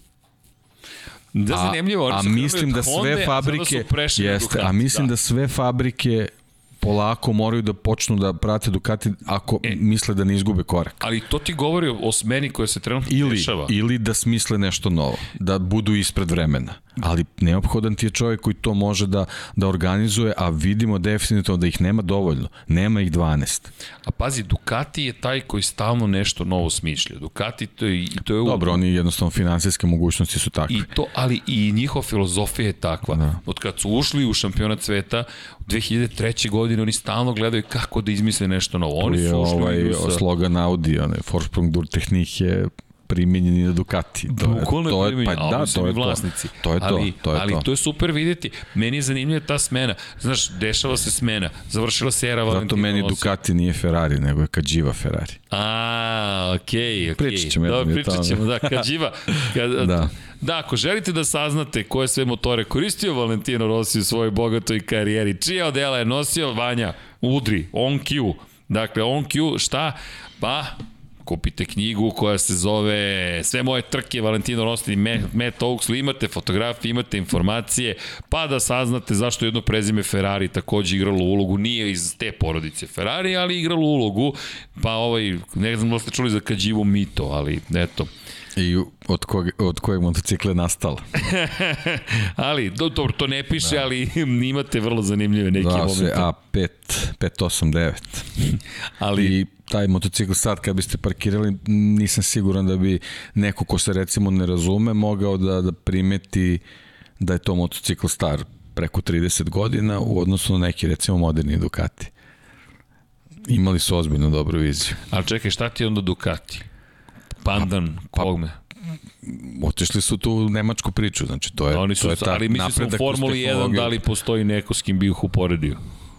Pa, Mercedes, ne šta? pa, pa dobro, ne, zato što to je, to je onda pre, pre taj tehnološki napredak koji je donao Williams. Ma, Pričali smo juče to, o to. tome. Williams, Williams. I Adrian Newey u stvari. Znači, Gigi, Gigi i Adrian. No. Gigi, pa i, i to je isto u knjizi ima Gigi koji je Da. radio sa Rosim krajem 90. godina prošlog veka.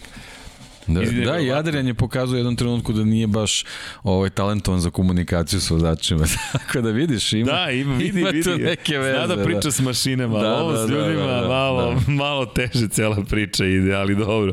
Da, ali lepo si rekao što se tiče m, kad žive, ok, to je zanimljivo. Evo, Igor, Eto, Igor to je tema. podsjeća kad žive GP500 sa Johnom Kočinskim, da. Da, I Eddie može, Lawson, može, da, može, da, da, može. da. Pa ne, ne, to je, to je motocikl koji je bio bukvalno ispred svog vremena sa svom tom primenom ugljeničnih vlaka, no jednostavno nisu imali snage da izguraju tu sezonu zbog, zbog ovaj, tog tehnološkog napredga s tim motociklom i u principu taj, s tim motociklom su sebi pospicali smrtnu presudu, u stvari mislim da ih je, da ih je on i ugasio, ali jednostavno taj motocikl je u stvari pokazao kuda može da ide, da ide taj sport.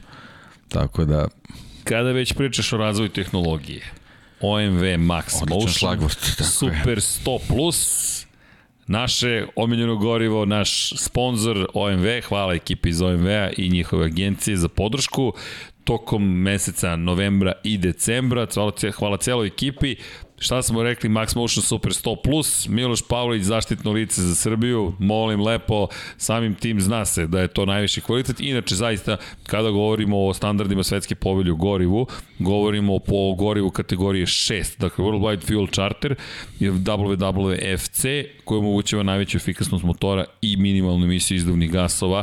I da, sponzori su nam, ali takođe je činjenica da postoje određena da kažem, ne samo pravila, već postoje određeni standardi koje morate da ispunite. Kategoriju 6 nije baš tako jednostavno ispuniti, to ispunjavaju kada je reč o MV-u i o tome smo pričali, jeste sponzorisani segment, ali standardi i zahtevne industrije idu u tom smeru da se stalno poveš, povećava kvali, da nivo kvaliteta, da se prosto diže na viši nivo i iz te perspektive OMV Max Motion Super 100 Plus je naše izabrano gorivo za ovaj period.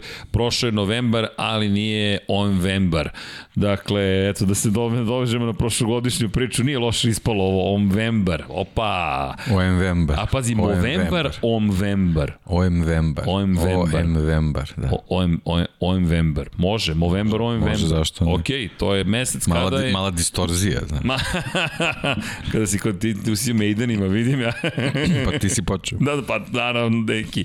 Inače, mnogo dobra ova gitara iza. Da, da, da, Ham, Hamić jedan i dva singla, Bogdan je testirao, kaže, odlična gitara. Inače, kupljena vrlo povoljno, inače to je Yamaha, by the way. Da imamo makar jednu Yamaha u studiju. Pa da. Ono je LTD, ali eto. I da se vratimo na OMV Max Motion 100, na Super 100 Plus.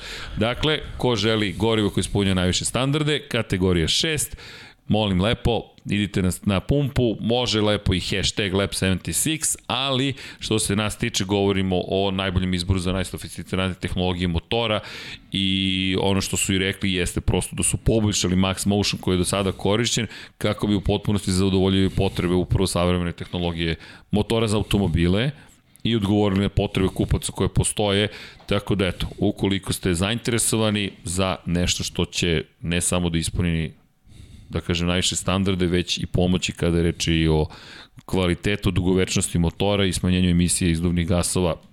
OMV Max Motion Super 100 Plus i u to ime Vanja. OMV. Energija za bolji život.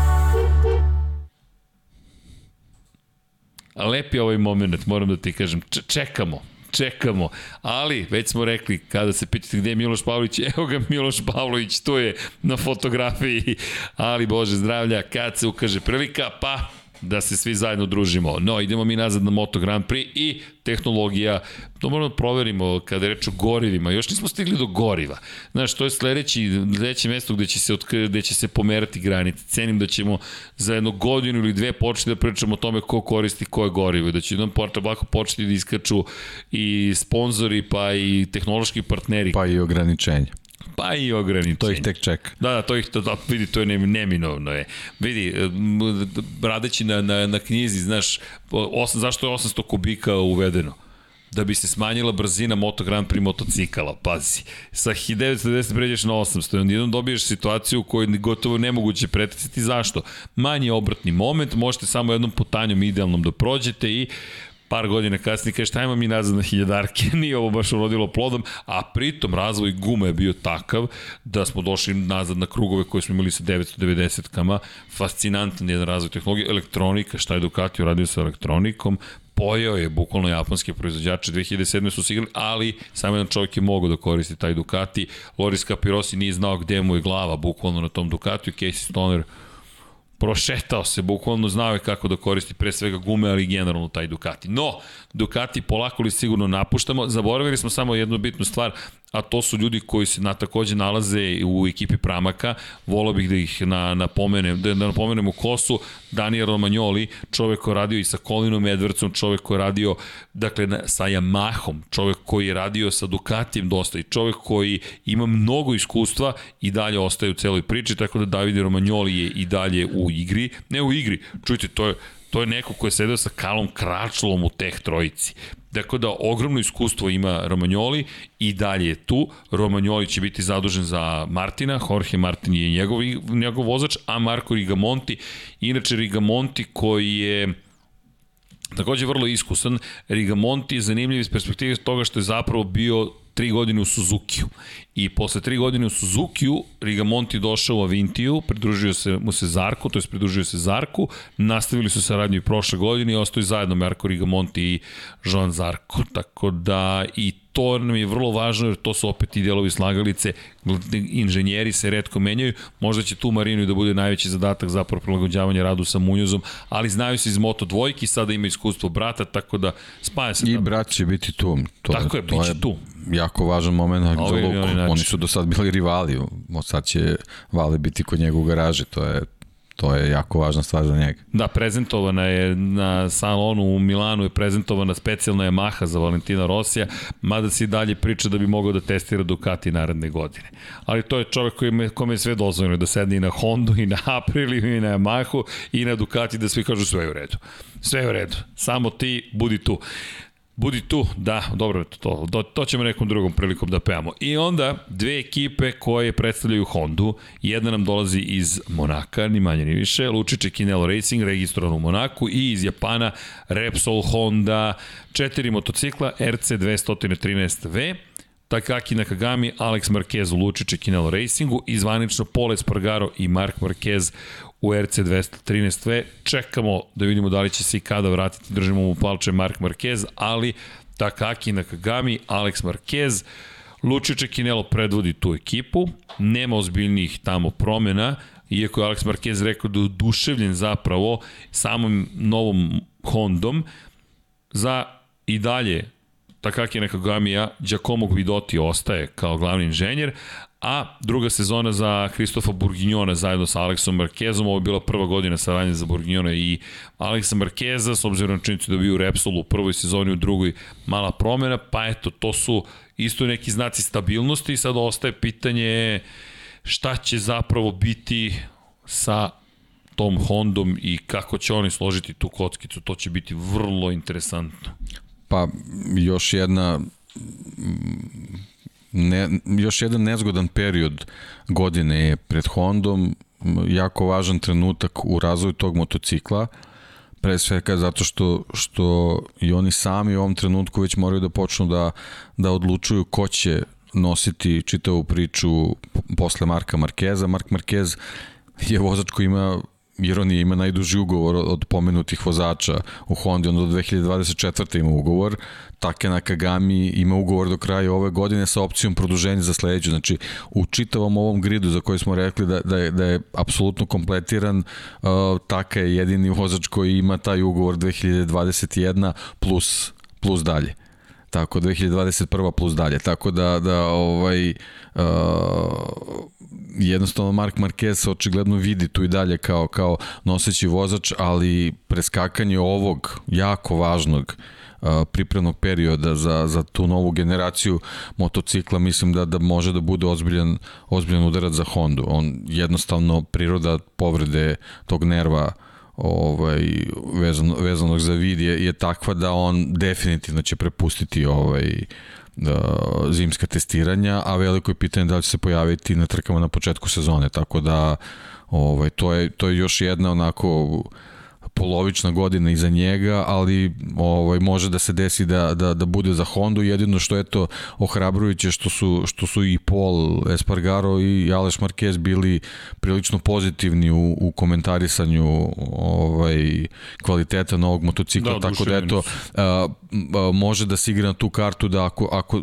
motocikl njima odgovara vez, vezano za njihove a, vozačke ovaj sposobnosti i ovaj njihove stilove vožnje, može da se desi eto da se taj motocikl uklopi u njihovu priču, da oni u početku krenu sa, sa, sa ovaj, donošenjem nekih dobrih rezultata, a da Marka dođe vremenom možda uz neke promene taj motocikl prilagodi nekoj svojoj budućoj ovaj, vožnji, pošto moramo da vidimo kako će onda funkcioniše posle, posle svih tih novih povreda ovaj možda može da se izrodi da, da, da ta, ta sezona bude ok za Hondu pre svega gledajući u, u, u Aleksa i, i, u, i u Pola. Sad taka je ono pokazao je da, da, ima, da ima potencijala, da stvarno može da bude brz, ali njemu kao, kao i Aleksu je, je neophodno da ima malo, malo ovaj, nekog kontinuiteta sa, sa dobrim rezultatom, da bismo mogli da ih, da ih malo više podignemo na lesvisci nekih vozača koji zaslužuju veći broj bodova.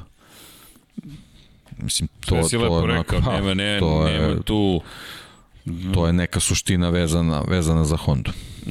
Lučiće Kinelo svakako treba mnogo bolji rezultat od onoga što su, što su imali. Da. Inače, kada smo spomenjali glavne inženjere, to su vrlo iskusni.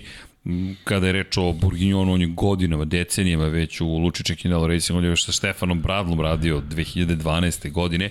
Giacomo Guidotti, inače zanimljivo, čovek koji iz Pramaka zapravo prešao s u Hondu, inače poslednji inženjer Danija Pedrose u aktivnoj karijeri. Tako da Guidotti takođe vrlo iskusan, pa iz Repsola prešao ovde. Sve to su i dalje delovi slagalice, fokusiramo se na slagalicu koju obećavaju.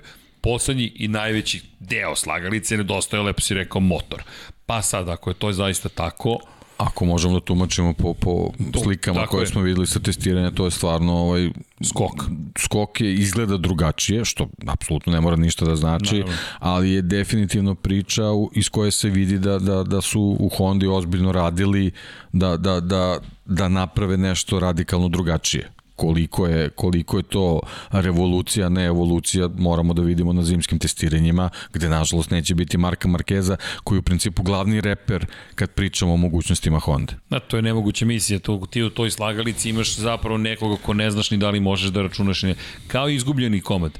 Da, dakle, nije da, da ti, ti, ti čak ni ne znaš da... Pa kao oštećeni komad koji ne može, može baš da legne gde treba. Da, da to znaš, je nažalost. Kad, kad mama nagazi pa malo, malo pokvari da. I onda nisi uopšte siguran da li, da, je, da li taj komad ide tu gde si ga ti namenio. I to je problem i to im se već dešava, evo, sledeće godine će biti treća sezona ali komad koji može i da se namesti. Može, da, može. Za sada može. je uspevao. I kad legne, kad legne, to je to. Da, ali, ali trenutno nedostaje. U svakom slučaju za Hondu generalno dosta problema i dalje, bez obzira, dalje je to nepoznanica velika na, na, na dobre reči za sada. Konačno Pole Spargaro nije pokazao baš da mu je jednostavno prilagođavanje. Činjenica najnovije informacije koje je dao, da najzad može da kontroliše zadnji kraj, da može da koči motorom, obećavaju, no, bez Marka Markeza, ja ne znam ni šta bih rekao za Hondu, zaista slagalica kod njih je bukvalno nepotpuna. Jednostavno nedostaje najvažniji igrač u celoj priči. Najdragocenija stvar bi bila kad bi neko mogao da jednostavno nekako sušunju tu fabriku i da vidimo šta se dešava. Siguran sam da, da, da stvarno rade punom parom, jer, jer ovo sad već prolazi vreme koje oni ovaj, jednostavno nemaju i, i već ne već ne mogu da priušte da to da toliko nisu nisu u samom vrhu. Ove ove pobede Marka Markeza su bile onako nekako malo samo olakšanje i, i, i, i mala pauza, ali jednostavno uh, baš, baš zato što su se desile ovaj, kad se on vratio na stazu jednostavno pokazuju da, da ekipa generalno kompletna mora puno da radi uključujući te vozače koji, koji se nalaze pored njega ili, ili ga menjaju jednostavno nisu, nisu u istom rangu kao i on mi imamo u Hondi situaciju da je ovo zaista smena. Malo pre htio da kažem. Valentino Rossi, kraj ere za motociklizam iz te perspektive, početak i na druge ere. Nova era je počela. I Honda koja je godinama slovila za prosto najkompletniju fabriku i čak i kada je bilo problema Marquez je kompenzovao za to. Honda je osvojila trostruku krunu pre dve godine. Šampionat vozača Mark Marquez, šampionat konstruktora Honda, šampionat timova Repsol Honda. I to je ono što je želela Yamaha ove godine. Da, i to je, to je vezano za Repsol Honda, to je ono što ih jedino i zadovoljava. Tako je. To, to su uslovi. Slobodno možemo da kažem, posebno, posebno kad pričamo o, o 21. veku, pa čak i možda nekoliko godina pre. Tako da vezano za, za rezultate ovaj, Mika Duana i to je, to je jednostavno ta priča. I Honda. generalno, generalno Honda kroz, kroz tu neku ovaj, istoriju, istoriju kraljevske klase same i 500 kubika. Tako da ovo ovaj period nikako nikako ne odgovara pre svega vozačima koji su uz Marka Markeza u ekipi. Ali mi se nadovezuje na ono što si malo pre rekao. KTM sebe sada struktura prema Ducatiju. O KTM, za one koji eventualno ne znaju, krenuo od toga što je svoj motocikl razvijao na osnovu Honda. Dakle, Honda, Honda inače koja je znala dosta da eksperimentiše sa svojim V motorima, uvek je raspored V. Čuvena RC211 V imala 75,5 stepeni ste, ugao između redova cilindara, To je krenulo još od dve petice, da bi izbalansirali V peticu, prednji red je imao tri cilindra, zadnji red je imao dva cilindra, s tim što balans vratilo nije postojalo kao klasično, već je peti cilindar, taj koji se nalazi u sredini prednjeg reda, vršio balansiranje i ustanovili su da 75,5 stepeni ugao, ugao koji im najviše odgovara da bi to postigli. Jedan neverovatno pokretljiv motor, jedan motor koji je bio spektakularan, zaista čak su u Hondi ga razvili za poslednju sezonu te kategorije 990 kubika kada ste mogli da napravite trocilindraš, četvorocilindraš, petocilindraš, imali ste takozvanu Apriliju Cube, da ne kažem na kub, Aprilija na kub, imala je tri cilindra, bilo je problematično, blago rečeno, i Honda je pravila tako motor, pa je prešla na V 4 motor, 90 stepeni je bio ugao, bio je čak i 75,5 u jednom momentu, na hiljadarke kada su vratili 90 stepeni. KTM je rekao, mi pravimo ono što Honda pravi, bukvalno, da bi, ne zaboravimo, prošle godine Fabija Sterlakini ona zaangažovala, Dakle, dolazimo na KTM koji ima dve ekipe, fabrički tim, inače šarenoliko društvo. Fabrički tim Red Bull KTM, s druge strane Tech 3, fabrički tim KTM takođe se zove, Austrijski tim je fabrički, francuski tim je Teh 3 ekipa, vozači dolaze iz Južnoafričke republike Brad Binder, Portugala Miguel Oliveira u fabričkom timu i jedan španac Raul Fernandez i jedan australijanac Remy Gardner, tako da je međunarodno društvo potpuno. E sad, Kada je reč o slagalici, doveli su Sterlakinija, sada dolaze do, do Dotija, mi sada pričamo o tome da ti uzimaš ljude koji su po 15 godina bili u Ducatiju. Ti dovodiš praktično, te, ti praviš tehnički tim iz Ducatija u KTM-u. I sve se slaže sa onom slikom koju si i, i nacrtao, da ti zapravo sada imitiraš Ducati. Zašto sada spomenjem smenu era? Nekada se pričalo o tome da kopiraš Hondu, gledao si RC211V sa, sa ljubomorom, pa RC212V do nekle, RC213V u rukama Marka Markeza postao premoćan, inače 212 V, Casey Stoner je bio taj koji... Upravo to sam hteo da kažem, Mark Marquez je praktično preuzeo razvojni put Casey Stonera vezan za Hondu, kao što je uh, era Dovicioza njegovog juriša na titulu počela u trenutku kad je Casey Stoner bio test vozač Ducatija.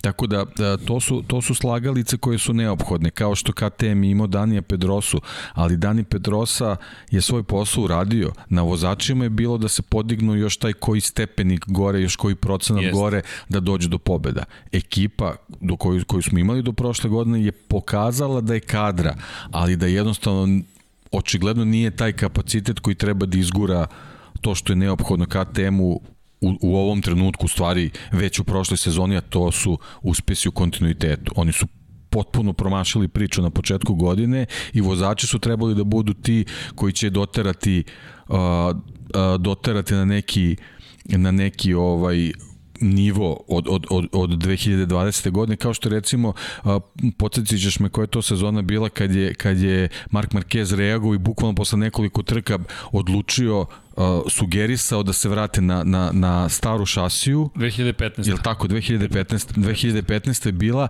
da bi odatle krenuli da vide gde je problem sa novom uh, ekipa koja, koja je u KTM-u to trebalo da uradi, vidimo da je tu bilo dosta lutanja kao pojavila se nova šasija, sad će biti bolje, međutim ti onda posle dve, tri trke vidiš da, da je sve isto. Znači oni su bili ti koji su na stazi u realnim uslovima morali da odreaguju i kažu čemu je problem. To Dani Pedrosa na testu ne može da primeti. A imao je jednu trku koja nije baš bila najzgodnija. Međutim, pa da, da, da. On, to je on, on, možda, možda više bilo polumarketinška, možda nije bilo pravo mesto da, da dobiju ono što im je neophodno za informacije. Ali, Deki, zanimljiva mi je istorija. Pričaš o hibridu zapravo. Šta je uradio Mark Marquez te godine? Oni su imali motor koji je pravljen potpuno nova šasija RAM sa motorom za 2015. godinu. Nije bio zadovoljan ponašanjem tog motora. On uzeo je zapravo motor iz 2014. s kojim je oborio sve rekorde. Dakle, Tako to je, je 11 pobjeda u prvih 11 trka. To je ludnica bila šta je To je, to je u stvari bila evolucija tog stonerovog motocikla. Yes. Sa 2015. su htjeli da krenu novu eru yes. i videli su da nešto, ne može. tako je. Ali znaš šta mi je zanimljivo? Pazi ovo, to je bio hibrid 2015-2014. 2000 Evo da vam otkrim, evo, ma, ma, mala pričica čisto iz, iz monografije Rosijeve, ali to iz istorije šta se desilo 2006. u Yamahi, meni su fascinantne paralele, pogotovo između Rosija i Markeza, njihovih stilova vožnje i načina na koji su pristupali stvarima. 2006. godine Yamaha je proizvela ram koji je uz nove Michelinove gume zapravo dovodio do dozbiljnih podrhavanja, takozvani četr. Šta se, šta se događa? Kad imate prijanjanje toliko snažno na gum, guma, ponekada se vibracije kada pogodite rezonancu vrate nazad na ram i vi prilikom kočenja kada je pun rezervoar goriva, pogotovo kada su gume sveže, dobijete takvo podrhtavanje da vi ne možete da kontrolišete motor zapravo i šta su uradili 2006. u Lemanu, sad ću da kidem Istina. Vidite, istina. Hvala Vanja. Ah, ovo je bilo iskusno. Dakle, istina, 2006. Kao što ja nisam mogao da kinem u trenutku sam govorio da Mike, Mike Leighton hoće da se odmori. Znači, ne znamo da li je istina. ne znamo da li je istina, tako je. Ali 2006. stižu u Le Mans i šta Yamaha radi? Pazite, ovo je zanimljiva priča. Yamaha juri četiri rama iz 2005. koji se koriste zapravo za promotivne svrhe. I to su četiri motocikla koji idu po svetu. Reklamira se Yamaha e, YZR M1, šampionska Valentina Rosija. Dakle, dva rama su Valentina Rosija, dva kolina Edvrca i one šetaju po planeti Zemlji. Odjednom Yamaha svesna da, ne, da Roy Ram ne funkcioniše, a ne proizvodi više onaj za 2005. godinu, kaže donesite motaj nam kablove. Temu, to je motaj kablove, vraćaj. I oni, do, sad pazi se ovo, sad promotivni tim donosi sva četiri motora u Le Mans, garaža Yamaha je potpuno zatvorena, da niko ne shvati, jer to je bilo super tajanstveno.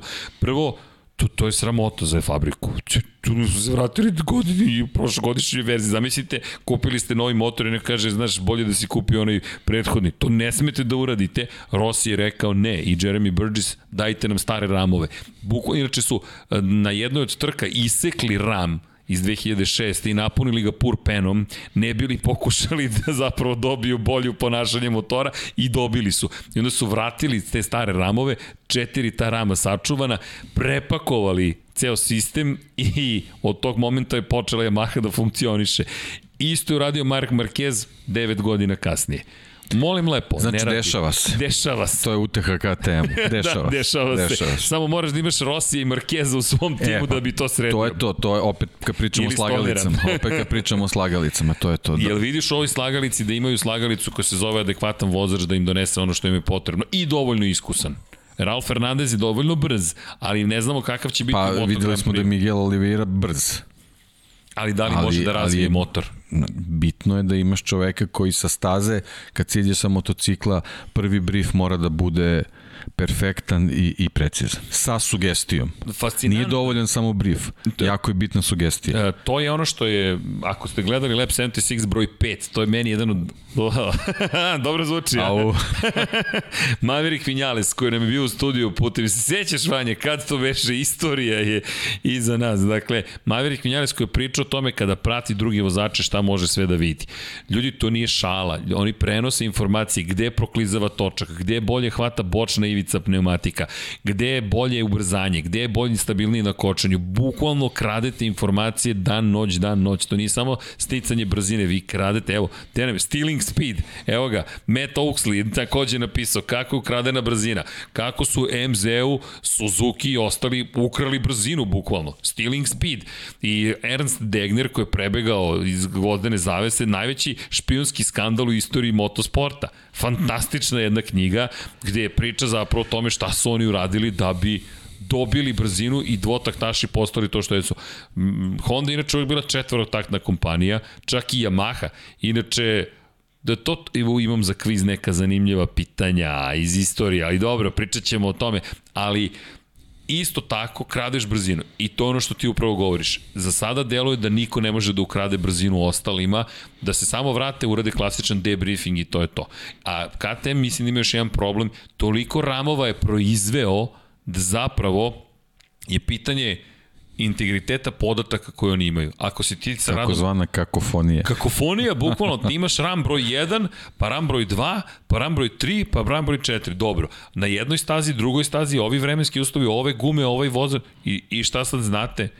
Ne znate ništa. A mislim da su nisu hteli da izgubi još jednu sezonu, već kao pobednički tim iz prethodne 2020. godine da su rekli ne, mi moramo sad da uspemo.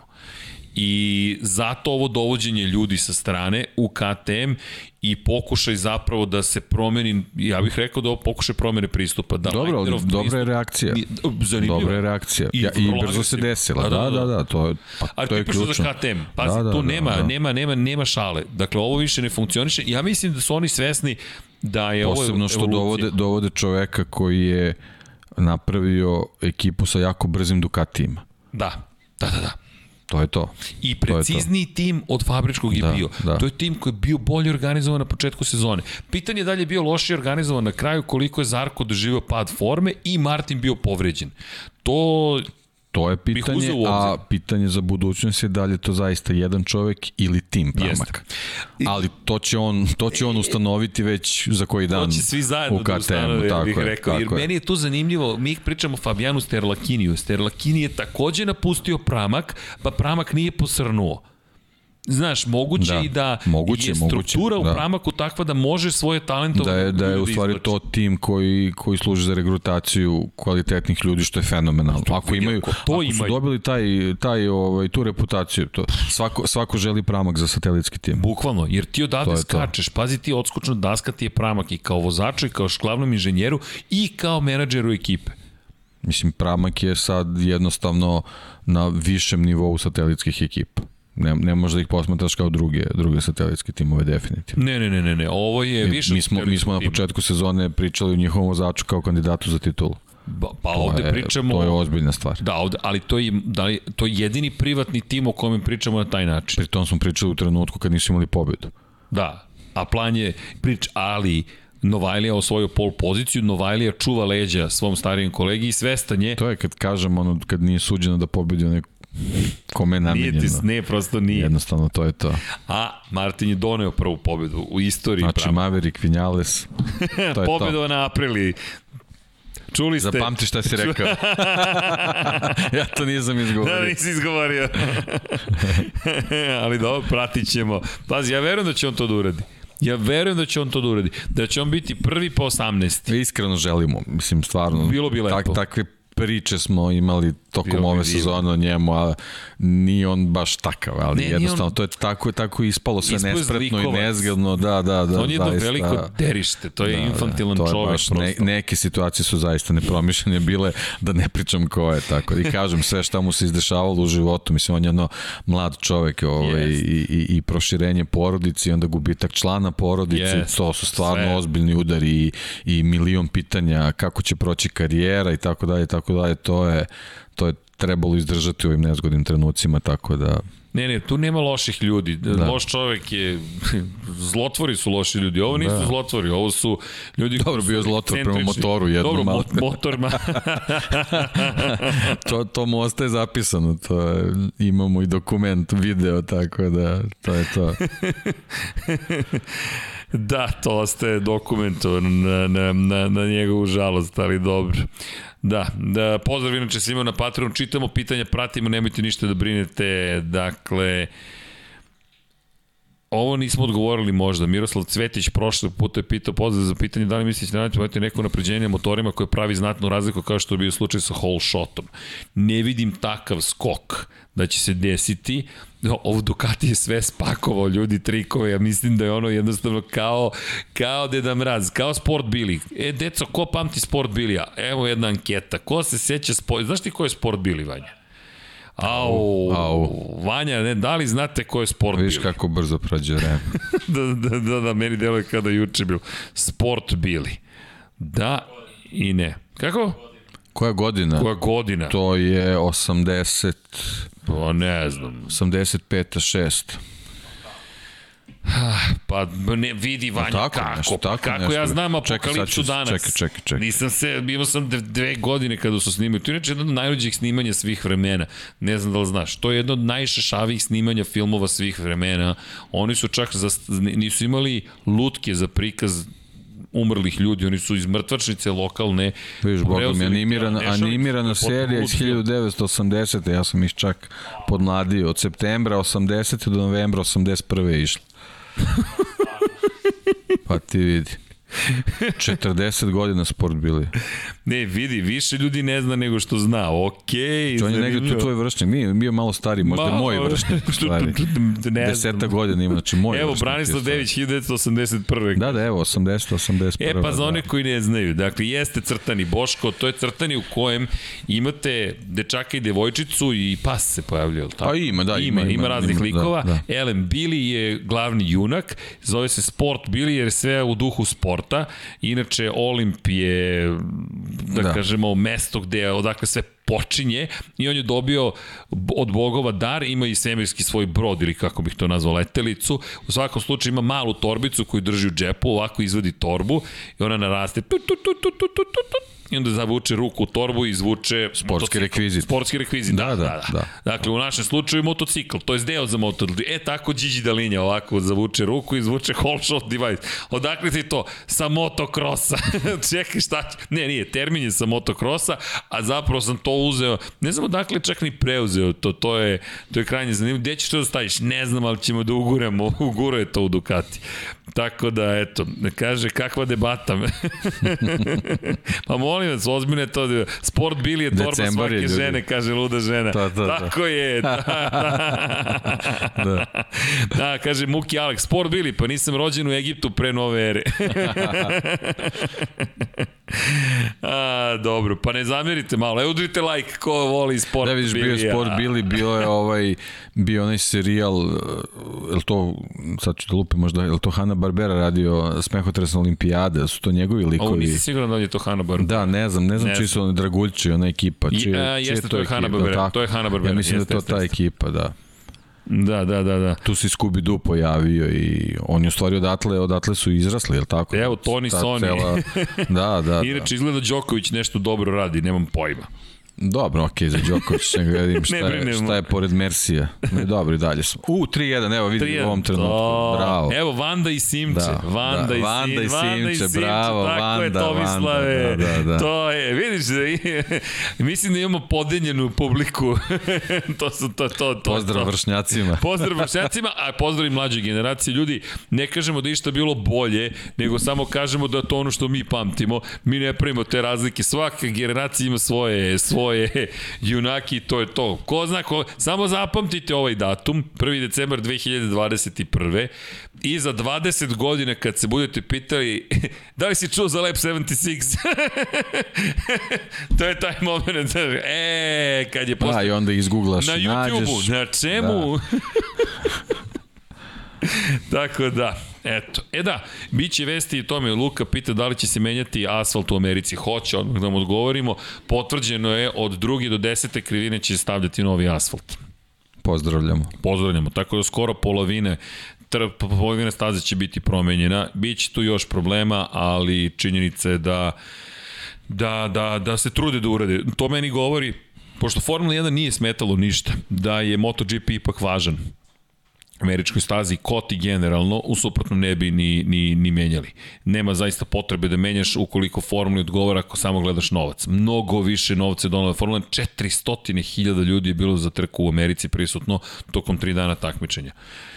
Tako da je više nego dovoljan signal, rekao bih, Moto Grand Prix da žele da, da se vrate na kotu. Elem, da se mi vratimo na, na, na još par timova, nemamo još mnogo, imamo, dakle, KTM, dvojica Novajlija, Ralf Fernandez, Remy Gardner, potpuno nova ekipa iz perspektive takmičara.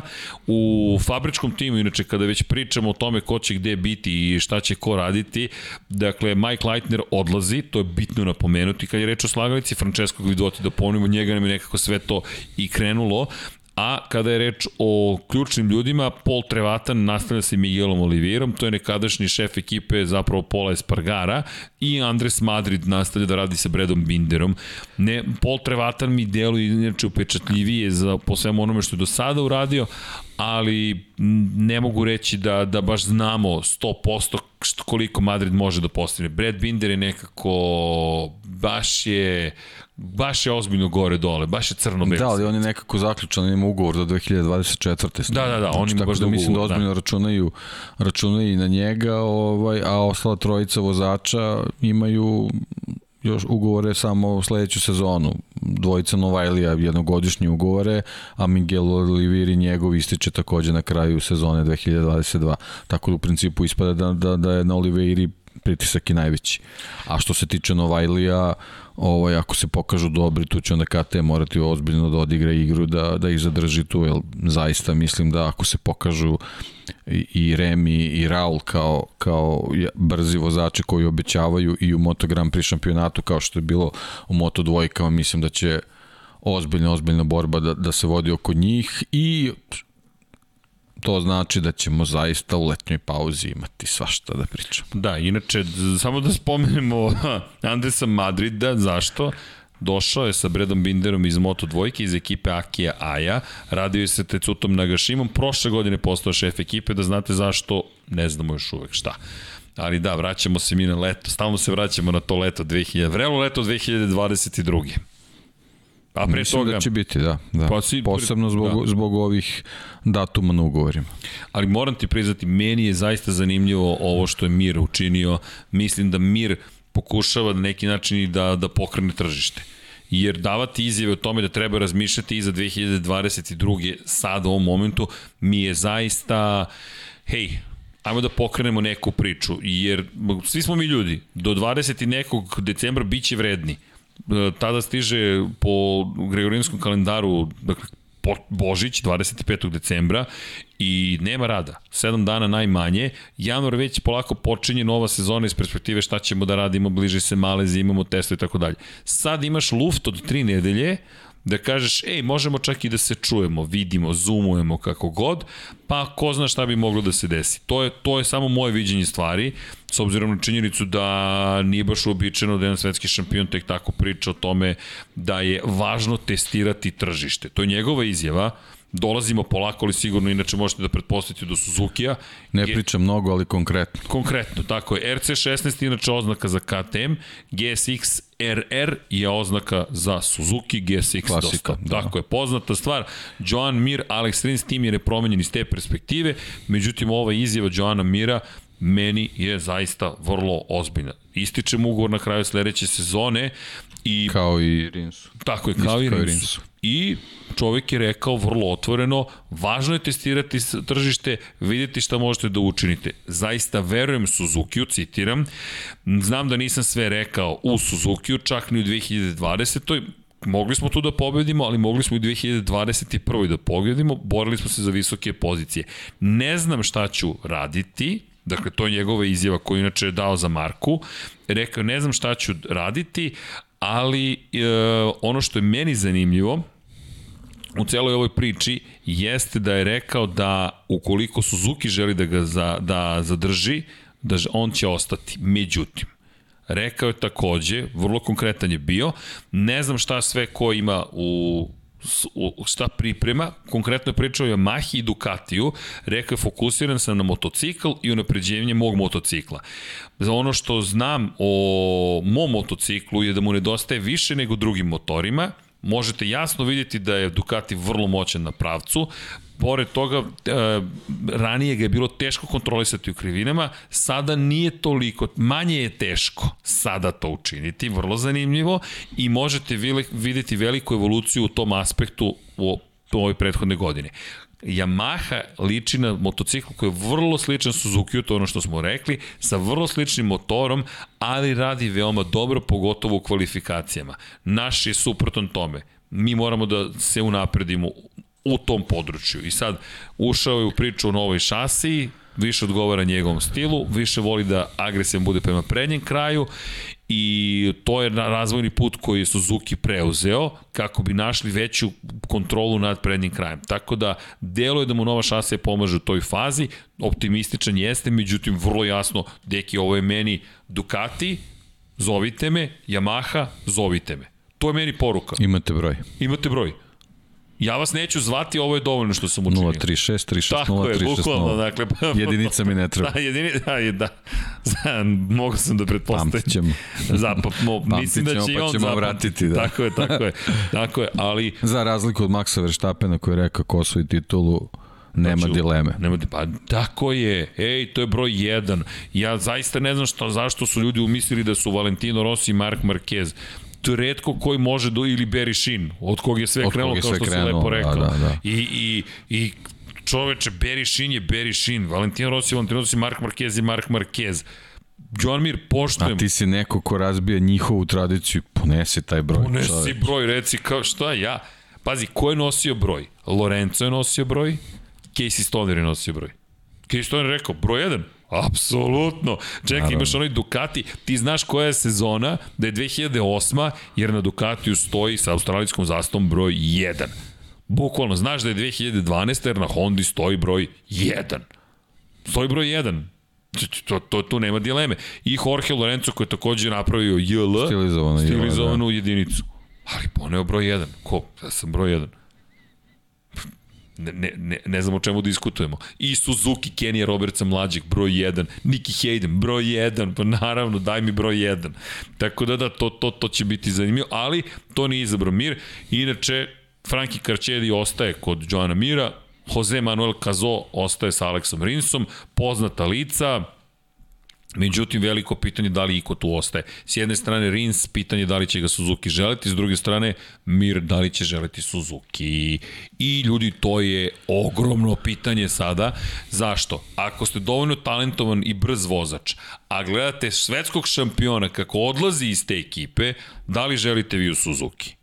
A Suzuki, da se vratimo na KTM, bez takvog vozača ne može da napreduje.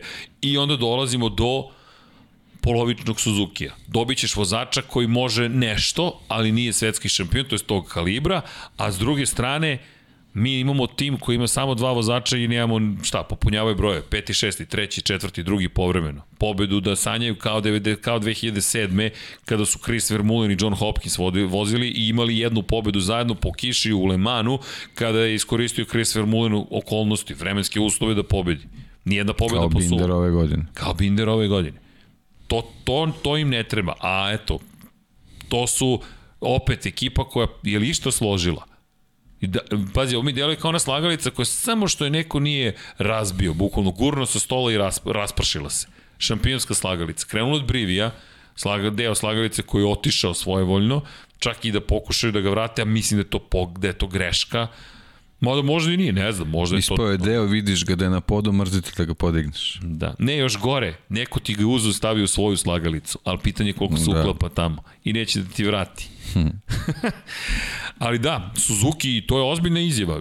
Mi o ovome čemu pričamo, to je citat koji dolazi iz marke, nije izjava nekoga ko, ko, ko, ko, ko nije i vrlo jasan bio u, svoj, u, u svojim rečima. Ovo, ljudi, ovo ja ne pamtim ovakav intervju da je dao svetski šampion. I da je rekao, evo, je, Pa dobro, to je ravno njegovim intervju sa kraja prošle sezone, zaista onako direktno govori sve. Ja kažem, ja i dalje ovaj, mislim da je da je ozbiljan kapacitet, ali je na Suzukiju da mu, da mu za sledeću sezonu pruži aparat i okruženje da on to pokaže. I da kaže, ok, ovo je je nešto na Suzuki dugi stazi. potrebno a, da, da, da se vrati u, šam, u borbu za šampionsku titulu zato što kako vreme prolazi svi sa manje respekta gledaju na titulu koja se na prošle godine. I, i, i ka Suzukiju. Da. I kao nečemu što će ti u budućnosti pomoći. Ovo je, naravno nekom to može biti dobra prilika da kaže, aha, okej, ali Suzuki mora da nam pokaže ozbiljnost. Potpisali su petogodišnji ugovor, moraju sad da kažu, ej ljudi, mi smo stvarno posvećeni Moto Grand Prix. Ono što možda može da ih natera, ne samo potencijalno odlazak mira i to što Rins nije, bakar nije bio u formi ove godine, je konkurentnost Moto Grand Prix. Oni ako se opuste, oni su 20. Ovako, 20 ti da odeš u korporativno sedište i da kažeš upravnom odboru, znate, mi smo 20. Neko gubi posao. A mislim da niko ne želi da izgubi taj posao. A i generalno posao. Posao Harakiri ima sa tog grada. Da, dobro, da neki sad si ga dođe onako ekstreman si, ali okej, okay, držimo palče da neće baš ići Šalimo tako se, daleko. se, da. Da, ali kada pričamo o Japanu, ostaje nam još jedan proizvođač, šampionski proizvođač, nisu osvojili titulu šampionu konstruktora, jesu u šampionatu vozača Monster Yamaha tim i šampion sveta Fabio Quartararo, prosto idemo abecednim redom, Monster Energy Yamaha, japanski tim i VTU Yamaha, RNF Moto Grand Prix tim iz Malezije, predvođen Razlanom Brazalim i Vilkom Zilenbergom, Vilko je ostao, holandski stručnjak, Yamaha YZR M1, dakle YZR M1, Fabio Quartararo, Franco Morbidelli, moćna fabrička Dobro ekipa. delo je, dobro delo. Baš da. delo je dobro. Da. U Fabiju nemamo, nemamo šta da pričamo, čovjek Šampion. je pokazuje i definitivno, ne, ne samo što je šampion, jednostavno očigledno je superstar koji će nositi priču Moto Grand Prix sledeće sezone. Što se tiče Franka, eto imao je nekako burnu karijeru vezano za Yamahu ovaj nekako svi smo očekivali i iščekivali da dobiju priliku da, da sedne na, na fabrički na fabrički motocikl, to se desilo ovaj, odlaskom Maverika Vinjalesa u, u sred sezone, ali eto, Franko imao tu, tu nesreću vezano za, za povredu, operaciju, oporavak i tako dalje, tako dalje. I po nekom receptu ovaj, Diginom i on je ovaj, kao da se štede u finišu te ovaj, prošle sezone ovaj, kao da je finiš sezonu u stvari poslužio za, za oporavak od povrede i da ćemo Franka, pravog Franka videti tek, tek na, na, na ovim zimskim testiranjima ovaj, Jel ti vezano, vezano za njegove kvalitete i, i ot, otkrivanje tog potencijala. Pa da, to je to. je to. Znaš, to je... To je to, to je to. Ovaj, I mene raduje što ćemo imati Monster Yamahu sa dva vozača koji su diametralno suprotni u svemu. Tako da ovaj to može da bude ovaj jako jako zanimljivo. Što po stilovima, što po ponašanju, što što što što što generalno po po, po čitavom pristupu ovaj nastupa tako da da stvarno stvarno mi se sviđa sviđa mi se sklop oko Monster Yamahe e sad bi bilo jako dobro da ekipa to Uradi prati posao, da, da. da, da malo da malo njih taj neki vibe ponese koji će tu da da kruže oko ove dvojice vozača ali ne znam vidjet ćemo oni mi onako dosta konzervativno deluju i dalje ovaj, ali eto nadam se da, da će iskoristiti ovu priliku da, da, da se popnu na ovaj, na ovaj talas koji je pre svega Fabio doneo a sad, sad i Franko koji može da se priključi definitivno ovaj, on je pokazao da, da, da je ozbiljan potencijal da uz ove vozače koje smo naveli Fabija, Peka i, i, i Mira, da, da i Franko može da bude četvrti koji će se naći u toj nekoj, nekoj borbi za taj vrh i za, za, za neku titulu zvezde koja, koja će poneti i, o, i ove mlađe koji, koji tek stižu u šampionat. Izvini Vanja, upadoh ja rukama u... u Nema veze, pusti muziku sad kad će da mahnu ruku. Pa da. Ne, ne, ne. Slobodno, slobodno pričamo o vajbu, hajpu. Može, može, može, može, gruj. može, Vanja. To, Udri. pa da. Eto. Pazi, ovo mi, znaš na koga me podsjećao? I na jednog i na drugog. Fabio je pomalo ekscentričan, a i drugi je ekscentričan, ali na drugi način. Na drugi način, na da, drugi način da. I, i, i super su ekipa. Mislim da je Maha uradila po tom pitanju dobra je muzikovanja. Najbolji posao. Zašto? Zato što su komplementarni i mislim da će gurati jedan drugoga. Najveći problem, ono što si lepo rekao, jeste pitanje fabrike. Da ih fabrika prati. Da. Da. da li može Yamaha da ih isprati? Videli smo da su tu znali da zaškripe, ozbiljno, i komentari posle prvih testiranja nisu biš bili pretredno dobri, ali tome i služe ta prva testiranja. Tako je. Da kažeš, ej, nije dobar smer, kad će da se radi? Decembar, januar. Znaš kako, naporno. nije dobar smer, ali to je nekako i, i, i Ducati efekat. To je, to je u stvari Jeste. možda glavni problem. Ja, ja verujem da niko tog jutra nije sa zatvorenim ustima gledao nastup Ducati uključujući i, Ne, i ljudi iz niko. Ducatija. Nigde, nikada. Tako da, to je, to je možda za njih i okej okay da u tom trenutku shvati, čekaj, čekaj, osvojili smo, juče smo osvojili titulu, danas smo izgubili. Da nas smo ne izgubili, nego... Idemo uzbuna, da, da, da, to Da, je da to. je to. pogledamo, ajmo, ajmo da bacimo A ono što ti često spominjao, mislim, Lin Jarvis čovjek je trkač, on deluje onako Ne, ne, ne, ne, ne, ne, ne, on je trkač. mirno uspojeno, Ne. ali, ali verujem da, da, da i njemu nije bilo dobro u tom trenutku, tako da posebno što se već opekao u, u nekoj situaciji koja je bila jako, jako blizu, ovaj, tako da, da verujem da, da, da, da ipak je Maha ovaj, razmišlja malo u tom smeru da... Jarvis. Da. vozi motore i dan danas na stazi, ne do, do kuće i nazad, ne, ne, Lin Jarvis ide na trkačke, na, na, na zapravo vikende, on čovek dolazi na track day, on, on čovek se takmiči u polomaterskim ligama, to je čovek koji ima 70 godina, on je i dalje na motoru. To što vam Lin Jarvis izgleda možda korporativno, nemojte uopšte poceniti šta taj čovek, ko, bilo koga od njih po tom pitanju tamo. Podrazumeva se da ste motociklista, podrazumeva se da vam je to u duši, u krvi jednostavno. Sad, da li je uvek bio u pravu, pa a ko jeste?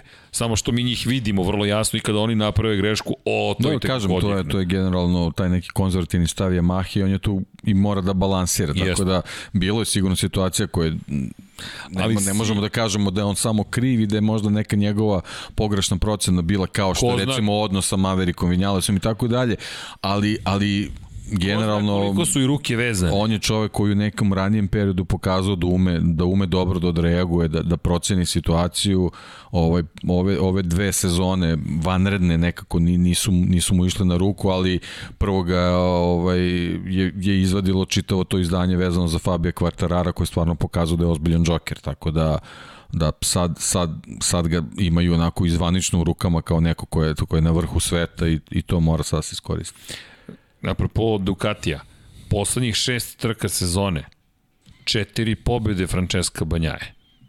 Da ne zaboravimo, pet pol pozicija Francesca Banjaje, jedno treće mesto i jedno odustajanje Emilija Romanja, ono izletanje sa prve pozicije. Da je izgubio bitku od Marka Markeza i drugi prošao kroz cilj, kraj sezone za Francesca Banjaju bi bio pobeda, pobeda, ne ne ovako, pol pozicija, pol pozicija, pol pozicija, pol pozicija, pol pozicija i zatim mislim da je bio treći u Valenciji, drugi, zatim pobeda, pobeda, treće mesto, drugo mesto, pobeda, pobeda. Tako voze samo svetski šampioni. Dakle, 100 poena na konto pobeda, 20 za drugo mesto i 16 za poziciju broj 3. 136 poena bi imao u tih šest trka. Inače, 252 poena na kraju sezone imao. Kažem da je izgubio bitku od Marka Markeza, toliko bi imao. Da je pobedio Marka Markeza, to je pet pobeda i jedno treće mesto, a činilo se da ga je već bio pobedio. Dakle, pet pobeda u šest trka na kraju sezone. Naravno da treba da, ne da gledaš u Ducati, nego da se češeš i kažeš "U- ups, šta bi. I ne samo oni, svi zajedno, pogotovo što Valencija, mala staza, uspešni. Jerez, test, mala staza, uspešni. Emilija Romanja, pa ne spada baš u grupu najbržih staza koje smo videli na planeti Zemlji. U ove grupe staza koje smo posetili, jedine dve staze gde možemo da pričamo nešto više o motorima su Aragon i Amerika. A, mnogo nezgodna stvar za preostalih, za vlasnike preostalih 16 motocikala na, na gridu sledeće sezone je ta situacija iz Valencije zbog koje niko nikad tokom 2022. godine neće moći kaže Ducati nas iznenadio. to im je ozbiljan problem. O ne, ne, ne. To je ozbiljan kraj, problem. Kraj iznenađenja, ne. Pravdanja ne, ne, ne, oni su došli da. sa složenim pazlom koji je zalepljen za sto i ovo nema, evo, mi smo ga sredili. šta ste sredili? Sve smo sredili. Još samo da ga uramimo. Bukvalno, šta, došlo mi je tokom ovog podcasta da uzmemo... Odoj, to je neka vrsta pazla. tehnik i da krenemo, pa jeste, da krenemo da ga slažemo. Opa, izvini Vanja, ja sam ovde napravio neki haos. Uh, ja sam sad uspeo. A, tu je, a, sad sam shvatio, Vanja, mudro, mudro, mudro, je sad u redu? Sve okej. To je to. Ovo bi trebalo da složimo, definitivno to Pa svašta bi trebalo da slažem. Ima mnogo toga. Pa gledam, gledam onaj modul gore. Pa gledam. i, Svašta ima Are you nešto. thinking what I'm thinking? Da. Dobro, pa moramo i Schumachera i ovaj puzzle. Pa dobro, bit će ovo lepa zima. Samo airbrush jedan i sve E, imamo.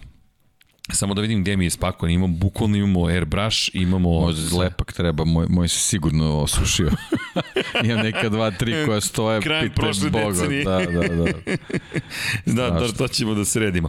Dobro, Yamaha, ostaje nam još jedna ekipa, Fabio Quartararo brani titulu, Franco Morbidelli vice šampion bio prošle godine na starom motoru, prvi put da zaista će imati celu sezonu na fabričkom motoru u da, da izvini, Prix. samo da, da ovaj, zaokružimo priču kao što smo pričali o ostalima, Fabiju na kraju ove sezone sledeće stvari ističe, Da. da. ističe ugovora, Franko je vezan do 2023. Tako da tu će, mislim da tu nema, nema mnogo šta da se priča, Yamaha mora da radi na tome da produži ugovor sa Fabijom Quartararom. Da, on je, Tu ne, nema, nema dileme, nema dileme, da. ne postoji da. Opcija broj 2, jednostavno mora da ga zadrže, A ali Franko je onako jednostavno eto, i miran. jak je, stabilan. jak je, stabilan je, stabilan je ugovor, tako da ovaj, mislim da njegovo vreme dolazi. Inače, za kraj je privatna ekipa koja je zapravo postala satelitska na neki način.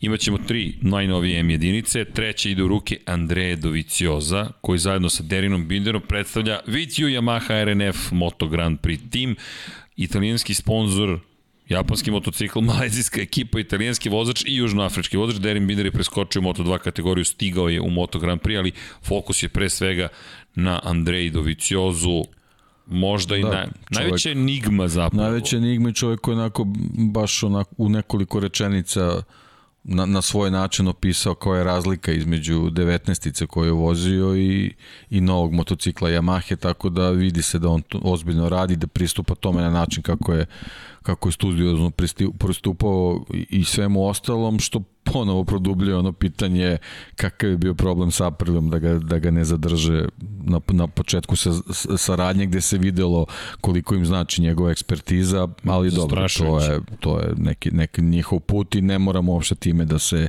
da se bavimo, ali posebno je važno iz ove priče i KTM-a uh, vezano za, za fabrike koje prate Ducati u, u razvoju, da, da jednostavno čoveka koji je crib se borio za titulu na Ducatiju ne ostaviš u svojim redovima. Mislim, očigledno da je potrebniji Aprili bio ne, nego Yamahi, ali Yamaha ovo sad mora da iskoristi. Posebno što ima čoveka koji, koji ima iskustva i, i sa ovakvim profilom motocikla. D- Par stvari. Razvan Razali, šef ekipe, rekao, onaj ko će se boriti za titulu jeste Andrej Doviciozo. Andrej Doviciozo je višestruki vice šampion sveta.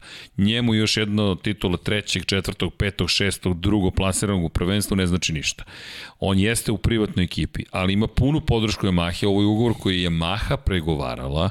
Dakle, nije samo Razvan Razali. Lin Jarvis Ne, on ima ugovor do kraja učestvovao. 2022. sa Yamahom. Tako je. To eksplicitno piše. Tako je. Da. I to je ono što je važno napomenuti. On je sa Yamahom potpisivao ugovor, nije potpisivao tek tako sa RNF-om. To nije tek tako, ne pocenjujem RNF, ali ne može da se poredi neko ko ima 15 pobjeda u karijeri, koji ima takav pedigre iza sebe, koji je i u krajnjem slučaju uticao na razvoj tog Ducatija, čovek koji je obeležio jednu, jednu, jedan deo ere, praktično obeležio jedan period, svakako dueli između njega i Marka Markeza su ontologijski, to je sastavni deo tkanja istorije Pa, to je Moto bio Grand Prix. period opravdanih nada da će doći Tako do je. titula. Tako je, čak se i borio, ne zaboravite da. Da. da se borio za titulu 2018. do poslednje trke sezone. Postojala je šansa da će biti šampion sveta.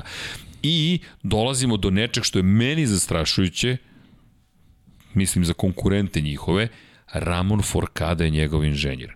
Za one koji ne znaju, Ramon Forcada je čovek koji je radio sa Jorgeom Lorencom kada je osvojio sve tri titule u Moto Grand Prix klasi u Yamahi. Ramon Forcada nije ispratio Lorenza kada otišao u Ducati, rekao ostajem u Yamahi i potom imao neki svoj put, radio je s Maverickom Vinjalesom, Maverick Vinjales ga je otpustio i rekao da Ramon Forcada nije čovek za njega, zatim je Franco Morbidelli radio sa Ramonom Forcadom, pa je osvojio titulu vice šampiona. Ramon Forcada, inače, fenomenalno je kada ih vidite iza kulisa, vrlo zabavan tip, koliko god ozbiljno lako izgledao i tekako ozbiljan smisao za humor, ali Andrea Doviciozo sa genijalcem poput Ramona Forcade, meni to deluje kao I podrškom fabrike. podršku fabrike kao pobednički tim. I imaju Vilka Zilenberga. Zilenberg je takođe bio deo pobedničkog šampionskog tima Jorgea Lorenza. Zašto je Vilko Zilenberg važan?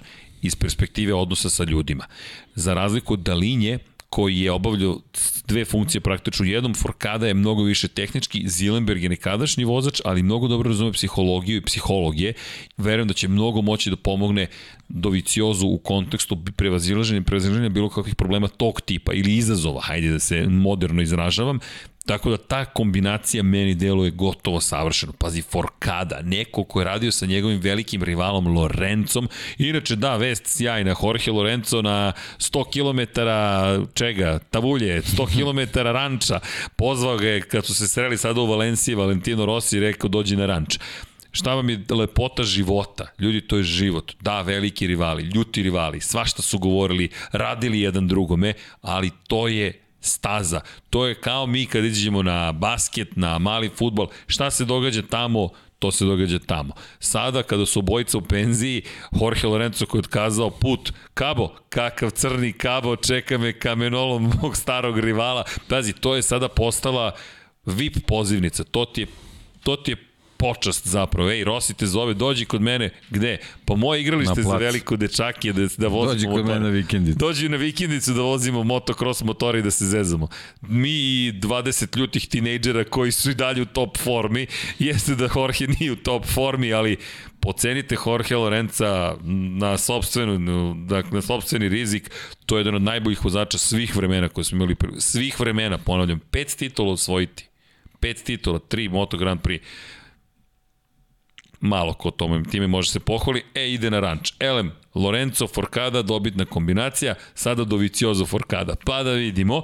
I Noe Herrera, novo ime u RNF ekipi sa Derinom Binderom. A pazite sad ovo, odakle dolazi Noe Herrera? Čovek koji je, krenut ću malo od začelja, radio sa Joanom Zarkom, gde?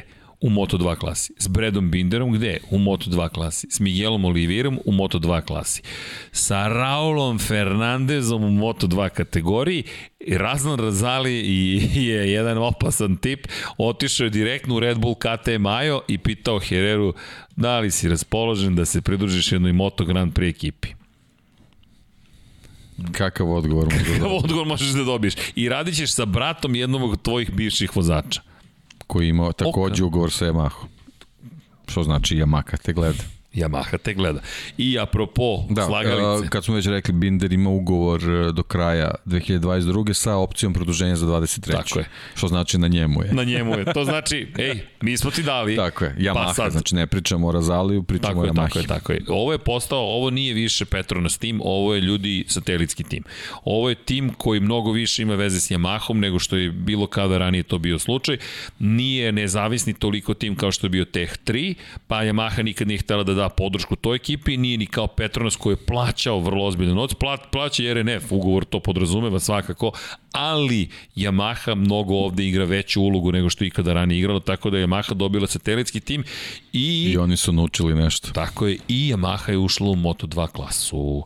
Od sledeće godine Yamaha ima svoju ekipu u Moto2 kategoriji, to se zove mreža za koga? Za mlade vozače. Gledate nekog u Moto trojkama i kažeš čekaj, dok ja njega sada dočekam, oni su sad napravili skok, dovukli su čoveka da preskoči Moto2 jer nisu imali tim u Moto dvojkama i sada mogu naredne godine da kažu čekaj, čekaj u Moto trojkama, dobar klinac, dobra klinka možda u budućnosti koji su brzi, ka, ajmo, dolaziš gde? Dolaziš kod nas. Pri čemu svet se menja, menja se Moto Grand Prix, od 2023. maloletni neće moći da se takmiče, osim onih maloletnika koji su bili aktivni u 2022. svetskom prvenstvu, što opet podrazumeva značajne promene. To nije mala promena, to je ljudi mnogo velika promena, 15-godišnjaci su znali da debituju za one koji možda nisu to tada nisu pratili ovaj sport ili možda nisu bili sa nama ili su tek bili mnogo mali.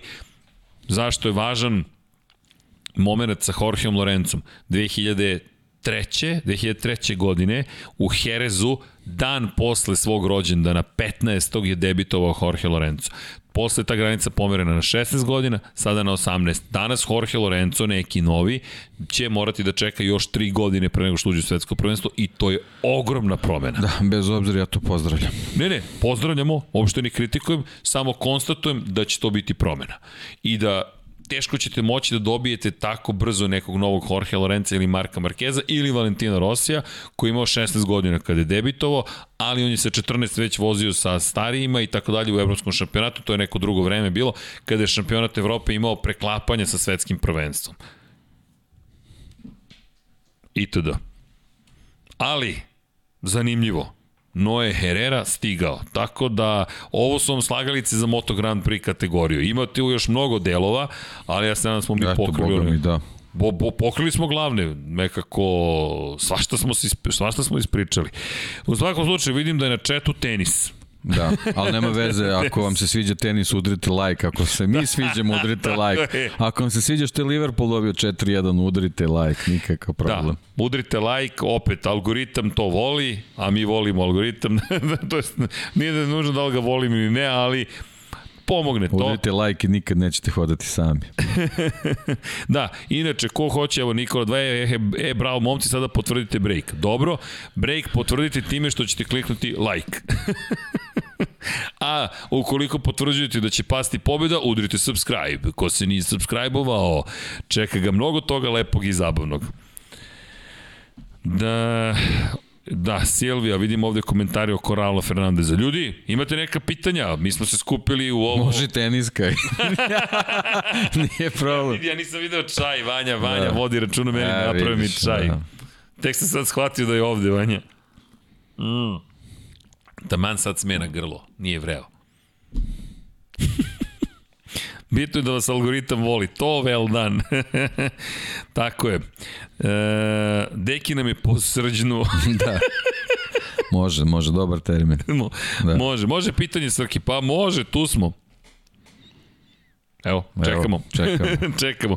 To je čudno, kažeš i onda te kasnije dođe pitanje, ali da. Da, inače, evo, Deki da dođu 99 yardi. Publika je progovorila, Dejane. Ba, vidi... Ne mogu sve da stignem i knjiga i 99 yardi. Knjiga, jel... Jel to to? Već spremno. I jao! Za početak, da, ko ima ovu knjigu? Ko nema? Shop, ta, čekajte, sad ću da vam dam link. Dakle, zašto? Zato. Zato što je lepo. Zato što je to Jedna divna knjiga o Mihajlu Šumacheru, Crveno i crno, autor Dejan Potkonjak. Ako se pitate ko je gotični gospodin, vidite ga upravo ovde. Tako da, evo, pinovaću, pin message. Završavamo glasanje, 143, mada može i da ostane glasanje, i odete i kupite knjigu. 776 dinara plus, plus poštanski troškovi isporučujemo u sve države sveta. U Australiju je čak stigla, tako da znate, stiže na sve moguće države. Jedino ko kupuje van Srbije ne može pouzeći, mora da plati karticom, ali sve radi, tako da ukoliko ste raspoloženi, crveno i crno, Mihael Šumacher, priča o Mihajlu Šumacheru, Dejana Potkonjaka, zaista divna knjiga, topla preporuka. Ima još knjiga, ali sad pričam o ovoj, a mogu da mogu sad i da najavim knjigu, ne znamo još datum, nemojte molim da da je, ali recimo da će biti ovih boja ovde. Jel može, deki? Može. Ja mislim da se uklapa u celu priču. Tako da znate. I naravno bit će posvećena Ayrtonu Seni, već postoji jedno izdanje, ovo će biti reizdanje, tako da eto, bit će to lepe stvari. Obogaćen. Obogaćeno. Obogaćeno. To je baš lepa reč. Baš, baš lepa reč. E, animiran da vidimo, Deki da dođe, čuli ste, jeste gledali Tiranina Gota brzine? Kako, kako? Mm, tiran, Vanja, pomozi. ne znam. Uh, udarim like zato što sam pao na PSG, PS, PSG, soj tequila, pa može i zato. uh, Mir u Repsol Hondi, Nikola Vulović. Da, mnogo je podsjećen Joan Mir. Nemojte poceniti Joana Mira. Joan Mir ima jedan kvalitet koji ekipe vole, a to je završava trke i donosi poene. Što sponzori vole kada je vozač stalno na pobedničkom postolju, što sponzori vole kada vozač nije često u travi, što sponzori vole kada imaju pristojnog predstavnika koga voli publika, što sponzori vole kada imaju nikadašnjeg svetskog šampiona u svojim redovima, a to što ne izgleda brzo ne znači da nije brz. To je i dalje svetski šampion i Moto3 i Moto Grand Prix kategorija, tako da ne bi bilo to iznenađenje. Par reči o Moto E, Ducati na struju Dragan Matić. To mislim da će biti jedna posebna misija kada budemo i mi znali više. E, komentar možemo da damo iz perspektive onoga što smo već negde pričali, to je da je to marketinški briljantan potez, potencijalno, ako sve prođe kako treba, nema razloga da sumnjamo. Drugo, ko je, ko je majka kompanija u celoj priči, Audi, Dakle, mi govorimo o razmeni tehnologije, o razmeni znanja. Vrlo zanimljivo će biti, mislim da će to biti značajan koncept za ceo konglomerat zapravo koji, u kojem se nalazi Ducati i za mene je to fantastično. Pogledajte samo koliko je interesovanje skočilo za Moto E. Za Dornu to takođe važno. Energika koliko god da je super, zanimljiva, zabavna i tako dalje. Robna marka zvana Ducati Neuporedivo. Pa ne, to je podizanje tog šampionata na viši nivo, na ozbiljni nivo. Mnogo ozbiljniji. Da. I mi, ja sam srećan što su to učinili, zato što bez obzira da mi se dopada e, koncept toga da zapravo navodno smanjujemo zagađenje uvođenjem električnih automobila i motocikala je sada trend, činjenice da su za to mere trkačke mašine pre svega i ja ajde pričam za sebe ali mi ovde volimo ljudi trkanje nama je trkanje ne samo to stvar. mislim da će da će taj još jedan šampionat naravno ovaj nikad nije na odmet što više trka pre svega ovaj doprineti afirmaciji nekih vozača koji možda u tom trenutku ne mogu da pronađu angažman da, u nekim da, svetskim šampionatima i biće i biće na na ovaj uh, pod lupom, kao recimo Eri Granado, kog smo imali primjer, prošle godine, koliko si ga puta spominjao kako je u nižim kategorijama bio ovaj, ovaj ekstra talent, da, tako je. da. Tako da eto, to je Dominik Agerter koga Jeste ko je svoj šampionat u da. supersportu, svetskom Tako da, da, eto, ovaj ja mislim da da da iz te perspektive će će ovaj doprineti dosta i mislim da će i vozači ozbiljnije da razmišljaju o tom šampionatu kad kad budu svesni da će da će se naći na na sedištu jednog Ducatija. Svakako, pazi, imaš badge Ducatija. To je, to je, da. to je ozbiljna stvar. I ne znam, Audi e-tron motor unutra, na, na, na primjer. za raza. A tako mi deluje da Pa vidi, pogledaj osmeh na licu i tebi Pa danas meni. je obore neki, neki svetski rekord, čini mi da, su u brzini. Oni se time ozbiljno bave. Da, da. A Max Bjađi da. inače drži rekord trenutno po brzini maksimalno i to smo hteli da snimamo.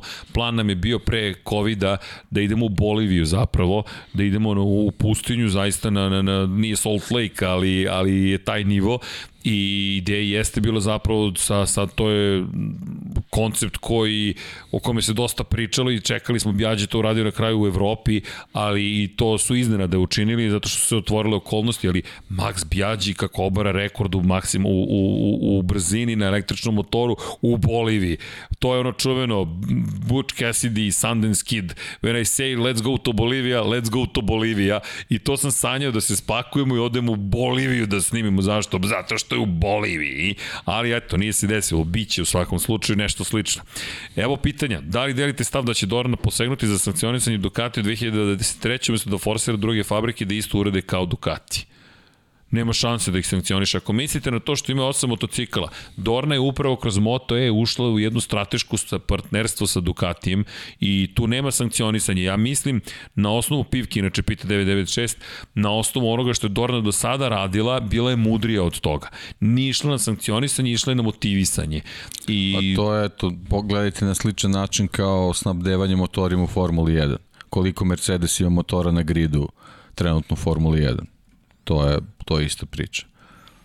Ne, ja zaista mislim da će, je... da, da, da, da će to, to drugačije biti, da, da, da, da nećemo doći do, do kažnjavanja. Nema potrebe. Nema potrebe, ne, ne. Zaista da nema, nema potrebe. Inače, samo da... Prvo moramo da vidimo kako će to sve da funkcioniše, tako da nema razloga napred pričati i a priori nešto ovaj, nešto odbijati. Ajde, ajde da vidimo kako će funkcioniše. Mislim, nam simpatično to deluje, pa smo u šali govorili o Ducati kupu. Mislim, zaista jeste tako, možda bi trebali da uvedu neku, neku, ovaj, neku posebnu ovaj, nagradu za to. Inače, samo da spomenem, na kom motoru je oboren rekord. Voxan Motors je u pitanju, to je Venturijev projekat i Voxan Motors postigli su 453 km na čas i jeste bilo zanimljivo. Dakle, samo da vidimo... A ne, 366,94 km na čas su postigli na kraju. Dakle, eto, to vam je Evo, misija. Evo je samo jedan story, pa moramo ovako da, da. samo pritisni ekran da ti ne, ne pobegne. Da ne pobegne, aha, aha. To je današnja vest. Andri Saković sa fotografom Oreol nad Hamiltonom Dobio je nagradu. Tako je. Ja, divno. AFA, ja, ha, ha, sjajno. Oreol nad Hamiltonom. Fantastično, to je ona čuvena fotografija. Prva nagrada za sportsku fotografiju u Srbiji. Divno. Ma divno, divno, pa, pa neverovatna fotografija, zaista. Andrej nam je inače bio, nadamo se da će nam doći ponovo. Čovjek... Andre sleteo malo pre u džedu, tako da... tako da, Pa ja mislim da bi morao da nam se pridruži, ali deki moramo pa da možda bolje kad završimo kad završi sezonu, kad da, završi da, sezonu, da, da. Trebamo iz Okije da zovemo. Da, da, ima, ima, ima ljudi koji, koji će, nadamo se da će nam se pridružiti. Aha, ali Max je postavio novi rekord. A, to nisam ispratio. Ponovo je Max na, na Voxan Vatmanu pa bio. Da, da, da, to, to sam ti... nisam znao, I to je mislim danas. Mislim da je e-tronov motor unutra, zato ti govorim. Kennedy Space Center i mi nismo bili. Pa nisam na vreme saznao, ne može sve da se postigne. Da. 456, opa, to je za 100 km na čas više nego što je bilo. Ali pazi, gde ga je, gde je obarao rekord? Ne, ne, ovo sledeći put kada budu, pri čemu ima neke veze u Venturiju, morat ću da povučem te veze i jedan od glavnih inženjera u, u Venturiju je naše gore list, što se kaže. E, inače, idemo dalje sa pitanjima, da ne zaboravimo sva pitanja. Dakle, ne delimo stav za da će biti sankcionisanje Ducatija. Hoće li Toprak 2023. u Moto Grand Prix? Ne znamo. Evo, gledam Dekija značajno, ali... Ja bih volao. Da, bilo ja bi lepo, volao, ali ja ne znam. Volao. Mislim, on ima dobru sponzorsku podršku, ovaj, odličan je vozač, ne, ne, nema dileme, onako već je postoji harizmatična ličnost i recimo eventualno odbranje, odbra, odbranjanje titule sledeće sezone, mislim da to može da bude baš lepa pozivnica i njegovo ohrabrenje, Jest. njemu ohrabrenje da, da pokuša da, da, da uđe u Moto Grand Prix. Zašto da ne? To je to. Apsolutno, apsolutno. Da, ima podršku države. Vanja inače živeo neko vreme u Turskoj i, i dobro, dosta upoznat. Tako je. Dakle, Beo Vanja kaže, I, svi prijatelji njegovi iz Turske to, da se, mislim da se nadovežem, ovaj, da bez ikakvih problema bismo dobili Tursku u, u, Ko? u Istanbul kalendaru. Park? Sutra ne mora Istanbul Park, napravili bi novu stazu. Nema nikakvog, A nema potrebe, Istanbul Park je dobar. Pa, Dobar. stvar je diskusija za motocikle. Pa bili su dobri. Jesu, jesu. Seti se jesu, Melandrijeve jesu. pobede. Jesu, ali uf. Stoner, Stoner je Da, volao jesu, tu stazu. jesu, jesu, kako, pa kako da ne voliš, kako Ona da je vodila od staze potpuno. Uf, pa Mada baš to, ali dobro. 11. krivina. Ko je dovoljno spreman da prođe kroz onu krivinu? Znamo Stoner da je, kucajte Istanbul Park, Casey Stoner, Kažem, krivina ako broj postoji sumnja u bezbednost, napravit će oni novo, nije, nije problem. Ali Tako ono je da, fantastična Da, da, apsolutno da, Toprak, Moto Grand Prix, da. Da, Apsolutno, ne znamo da. da li će se desiti, ali mi, mi bismo to voleli.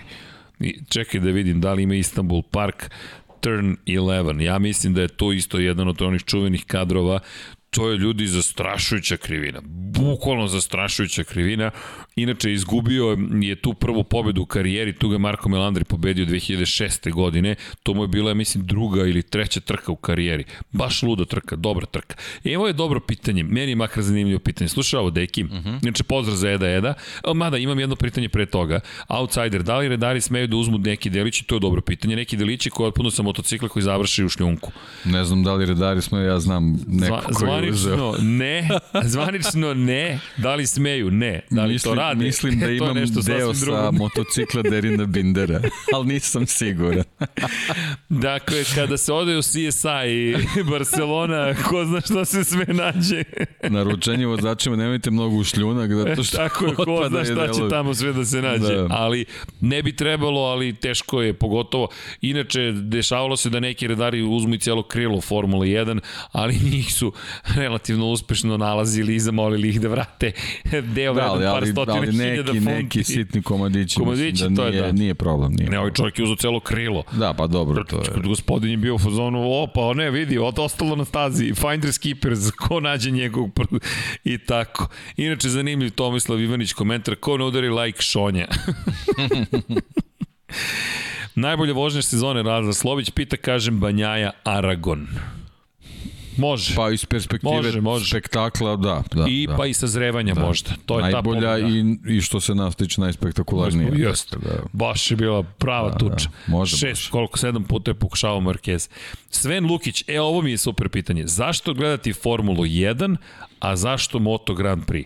Što je bolje kod jednog ili lošije kod drugog? Pozdrav iz Hrvatske, najbolji ste. Pozdrav Svene za Hrvatsku, hvala za lepe reči. Pa ne, gledam, E, gledam imam- kako da formulišem. imam- Mislim, to je to su praktično dva različita sporta koje su perjanice u svojim disciplinama. Jest, jest. To je, to je Ali apsolutno dovoljno. zašto, ali, pazi? Znaš, znaš, izvini, znaš ko je meni za Formulu 1? Priče. Tamo imate količinu priča koja veća je nego u Moto Grand Prix. Tamo je sve priča. Tako je koncipiran i to je ono što vredi zaista gledati u Formuli 1. Stalno se nešto novo razvija, ali ne kao kod Moto Grand Prix Ducati, pa onda da vidimo ko će da odgovori. Ima puno razvoja u Moto Grand Prix, ali neuporedivo više imate u Formuli 1. Pa To je- Formula 1 trenutno je priča praćenje te tehnologije, koja je fascinantna. Jeste. E sad, drugo je pitanje zašto organizacija koja vodi, vodi Formulu 1 ne može da pronađe dobar recept da, da spektakl oko tog razvoja tehnologije prenese a, na navijače da ih to u većoj meri zanima. Dok sa druge strane Moto Grand Prix je i dalje, bez obzira što je sad trenutno u pitanju ozbiljan korak u razvoju tehnologije, čist spektakl.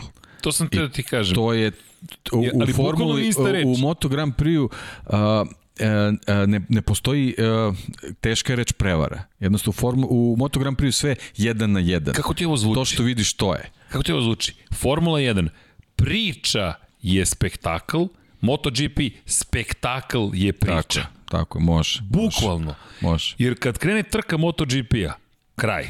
Nema tu gume, promene, nema goje, vozilo bezbednosti. Ne. To je, zasukali smo rukave, skinuli smo rukavice, pa da vidimo.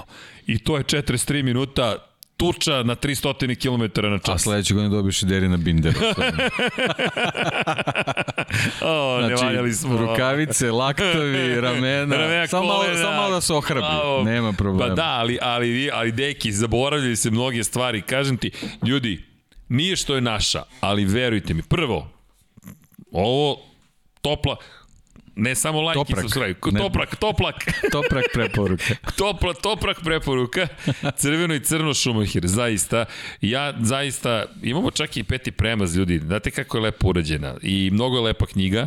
Dakle, I samo je 776 dinara. Sad sam kao top shop, pazi, sad samo još noževe da izvučem i ko kupi ovu knjigu dobije i nož za sečenje hleba. Ukoliko ne. Ljudi, ovo je knjiga, ovo su divne stvari i ne samo što je knjiga, mi smo ponosni na ono što piše, kako urađeno, koji trud stoji iza svega ovoga. I još jedna stvar, nije što je i još jedna knjiga koja dolazi, monografija o Valentinu Rosiju, naša, Dakle, da, preveli smo Meta Uxlija, da, završava se prelom, da, Da, ali, završava ali se... poenta je što, mislim, ti si fin i skroman, pa ne potenciraš. Vi ste prva ekipa u svetu koja Da. je dobila pravo da objavi ovu Da, knjigu. ljudi, ovo će biti... Pre svetske premijere. Pre svetske premijere, ljudi, svetska premijera će biti u Infinity Lighthouse-u. Ova knjiga, mislim da ćemo čak i pre I Amerikanaca što je, što je izuzetno velika stvar. Jeste, Čovek koji između oslog pisao i ovu knjigu je Jeste. ponosan što, Što će, će- njegova knjiga biti Da. u, u, u izdanju na, na srpskom Jeste. jeziku. I, I mi smo ljudi bukvalno pre ponosni, jesmo, skromni smo nekle, pričat ćemo o tome više, ali ljudi, Jao, vidi, sad izlazi od izvini. Zapamtim, sad ste pamtim, Toprak preporuka majica. da, da moram pitam advokata da ne bude posle da, da, da. Mazite se, pazite se i tako dalje. Moramo da malo, malo, ćemo Lajk prošaramo ako vam s se sviđa. Lajk ako vam se sviđa. Ali ljudi, knjiga, kada je reč o Valentinu Rosiju, sad smo u procesu i prevođenja i lekture i slaganja i svega i onda se setiš nekih stvari koliko zapravo je taj čovek stvari radio koje sam zaboravio. Kada je, ne, na primjer, jedna od stvari kada se trkao sa Haručikom Aokijem, koji mu je bio jedan od najboljih prijatelja u to vreme, pretiče ga u muđelu pred ulazak u poslednju krivinu i u sred poslednjeg kruga, poslednje krivina, prolazi pored Aoki i ovako ga udari po viziru. Na 125-ici. Ljudi, to je besmisleno, ali to je to, sad, sad me asociraš na ovo. I agresivnost koju je ispoljio, koju za njega kažu da je on čovek koji uveo ovu vrstu agresivne vožnje, da recimo u moderni Moto Grand Prix, nije on prvi koji je tako vozio, ali da je uveo. I onda mi je to fascinantno, sad kako spomeniš nešto se setim, da, ok, to neko drugo vreme. Inače, Haručika, ok, koliko je progresivan bio Valentino Rossi, komu je držao kišobran u šampionatu Evrope. Nije grid girl, ne ne, grid champion. Dakle, nije devojka stajala s kišobranom, njemu je Haručika Aoki, koji u to vreme već bio šampion sveta u 125 kubika držao kišobran, a asistentkinja, da ne kažem asistent, je bio Nobuatsu Aoki, rođeni brat Haručiki Aokija, koji inače kasnije je postao test vozač Suzuki i vozio u Moto Grand Prix. Dakle, mi govorimo o tome da jedan klinac, balavi klinac, 15 godina iz Italije, ima Haručiku Aokija kao asistenta i Nobuatsu Aokija. Pa potpuni besmisao. Potpuni besmisao. I zato kad se mi našalimo Derin Binder, to je čista ljubav prema Ma šala, pa naravno, ne. To, to je to. Soj tequila, kako je glas? Evo, procenite sami, malo bolje. Malo bolje. E, nisam pročito pitanje Ognjen Radivojević. Čekajte da vidim, ode baterija. Ode, Boško. ma ode gore chat. Čekaj, Srki, kako je glas. Dobro je. Nema mesta za ljutnju, upravo tako. Ne znam sad o čemu je reč, ali to je to. Spremaju Toprak koje mahi za 2023. Dimitrij Mitrović, nadamo se. Edo, Edo, naručio sam obe knjige, hoću posvetu. Dobit ćete uvek, verujte, potrudit će. E sad, ko- posvetu, ko da vam piše posvetu? Matt Oaksley, nije nam baš pri ruci, ali ako može Deki, tu, tu nam je autor jedan, tako da Matt Oaksley, mada, mada, znaš da radim na tome da nam dođe Pa bilo bi lepo. radim na tome da nam dođe, pa držite palče, više je pitanje covid nego bilo čega drugog. Ali dobro, nadam se da ćemo uspeti. Da Srki, pitanje za tebe, da li je MotoGP povećati broj trka nekoliko, uh, pitanje za tebe, da li je MotoGP povećati broj trka nekoliko godina, dva za Dekija, da li podržava smenu Čekajte, čekajte ognjene. Srki, pitanje za tebe, da li, je MotoG, da li će možda MotoGP povećati broj trka nekoliko godina? Izgubili ste me ognjene, može ponovo, ja se izvinjam. Srki, pitanje za tebe, da li je MotoGP povećati broj trka nekoliko godina? Dva, za Dekija, da li podržava smena Bertemua i da li je za VAR ili ne? A okej, ovo je neki, ovo je neko futbolsko pitanje. Bartomeu je. Bartomeo, verovatno. Pa ne, ne znam, mislim, čovek je već dugo godina tu i mislim ja generalno, ako se misli na Jordi Bardumeo vezano za, za Euroligu, košarkašku, mislim ja ono, ne znam, taj format mi je sve onako besmisleni, ne znam koliko se Vanja ovaj, slaže sa mnom. Pa da, mislim da smo izgubili evropsku košarku prilično zbog, zbog, zbog te lige, iako je možda trebalo da bude, da bude obrnuto. Što se tiče Vara, ne znam, mislim, meni je onako, gubi se neka draž futbala, tako da vidimo, vidimo da ni Var nije savršen, tako da ne, nepotrebno ovaj, nepotrebno, Pa, ljudi nepotrebna nisu stvar, jer, savršeni. futbal je generalno nekako čitav postulat i priča oko futbala je da treba da bude dostupan svima, a, a VAR je tehnologija koja se jednostavno ne uklapa u tu priču, tako da nisam baš nešto za to. Eto, odgovor. E sad, za ovo pitanje za MotoGP, ako može, ponovo, molim vas. E, Marko Stanković, pozdrav za gospodu u studiju Rekreativnog univerzuma. To, Marko, pozdrav za Marka. Branislav Dević, kada će Viber stikeri, to ne samo da zaboravimo. Viber stikeri Pa ne, hoćemo i Viber stikere, ali poslednja cena se merila u četvorocifrenim evrima, tako da Ako možemo sačekamo s tim Viber stickerima, Ili ako nije problem, ili udrite like, udrite ovo, subscribe. ovo dolar što je ratan Nađite se na ovom, na ovom spisku Patreonskom, nikakav Bukvalno, problem. Da. rado ćemo napraviti Viber stikere, ali nema ih besplatno, drugari, to sve plaća, pošto se to smatra marketinškom kampanjom. Ali, ali ako sve bude kako treba naredne nedelje, krećemo sa membershipom, to je join na YouTube-u, pa nećete više morati da gledate reklame s jedne strane, a s druge strane nama po, pružate finansijsku podršku, ali imaćete emojije spremni su emoji i što više bude članova, više ćemo emojija moći da nam damo i bedževe ćemo praviti. Bedževi su koliko dugo si zapravo u po, koliko dugo da pod si pokrovitelj i podržavaš ekipu na YouTube-u, tako ti raste zapravo bedži. To, tako da eto, to, to je nešto što takođe spremamo, a onda će nam to otvoriti super tanks, pa onda umesto lajka, ako hoćete da nas nagradite, da napravimo te Viber stike, ali ne, ne, samo da vam kažem, nećemo potrošiti pare na Viber stike. Ja, onda je da poslednji korak, dođemo vam na gajbu i pričamo o Da. podcastu. Uspavljujemo decu. da. Ali, za Viber stikere, ako mi ne zamerite Branislave, radije bih da uložimo novac u kupovinu prava za nove knjige. Da štampamo nove knjige, da nam Deki napiše još knjiga, da nam Paja Živković možda napiše koju knjigu. Da, Šta možda, već smo se dogovorili. Jesmo, jesmo, ja sam ne smem da kažem. Pa ne moraš da kažeš ali- eksplicitno o čemu se radi, Ok, šta možda. Ali izdajemo možda. zbirku pesama i priča, sad vidjet ćemo da li će biti kombinacija ili će biti samo pesme ili samo priče Aleksandra Đankića. Tako da znate, javio mi se, radi na tekstu, sprema se, there. To sad autori, znate kako, nema, ovde nema rokova, kakav crni rok, kada čovjek završi, završio, to je kod neki ima rokova. Pa ne, ne, dobro, to su, to Ali- su različite stvari. Tako je, tako je. Kod, kod Junkie se radi i o inspiraciji, Tako je. to, su- to su ključne stvari, tu nema, nema roka, kao što kažeš. Tako je, tako da znate, nećemo imati stikere u dogledno vreme, mada ako sad zaista svet bude toliko uspešno, super, imat ćemo i stikere, ali verujte, knjigi su nam broj jedan po tom pitanju nova oprema za studio, da možemo da snimamo neke nove stvari. E, Evo, Edo, Edo se uključio u podršci, hvala puno, hvala Edo, svaka čast. hvala. Ne, zaista svaka, svaka čast. Edo, Edo, 50 kuna je donirao, hvala. Edo, i nije šala. Čujte, sve ovo što vidite, nama tako dođe neki ideje. Dobili smo predloge i za NFL knjige, bit će i toga. Samo proces je. Proces je dok nađemo, znate šta je tu, malo je, manje je prevodilaca koji uopšte su u ovoj temi.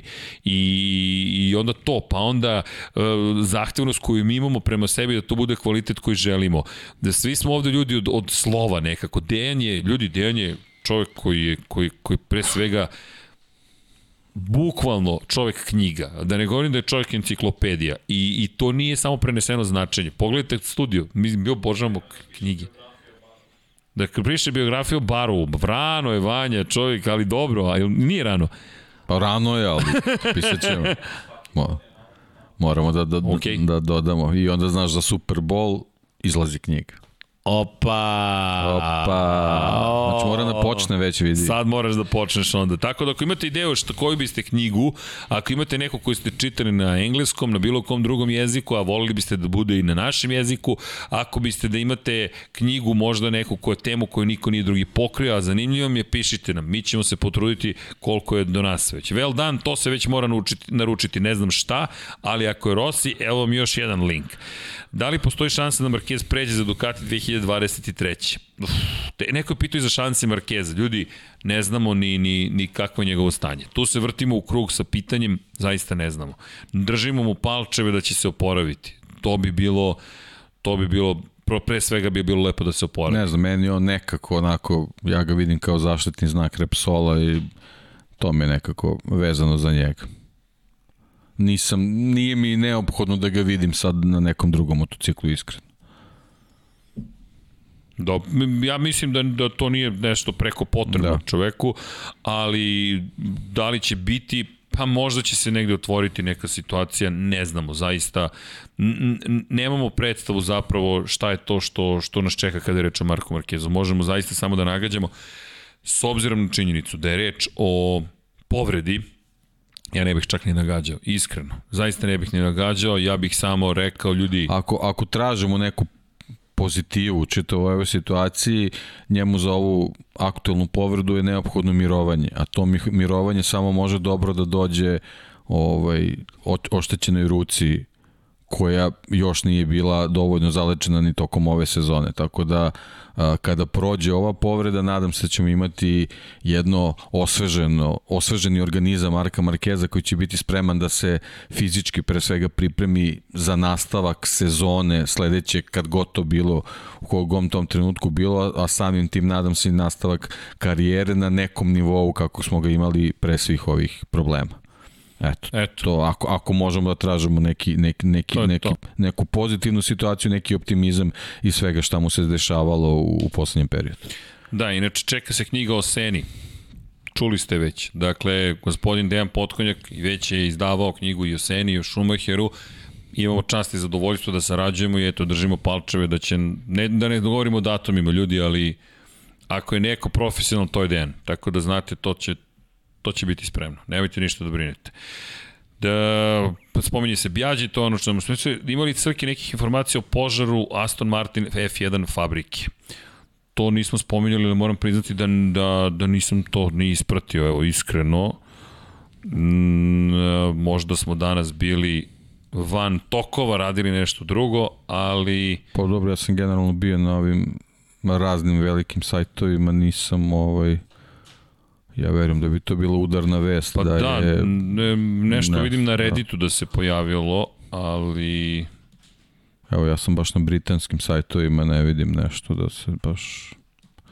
Moram da priznam. Dobro. Da, izgleda se nešto... Ne verujem da to treba da bude ovaj... Čoks je izbacio. Da je, da je dolazak na stazu važnije vest od te ako je nešto krupno, tako da...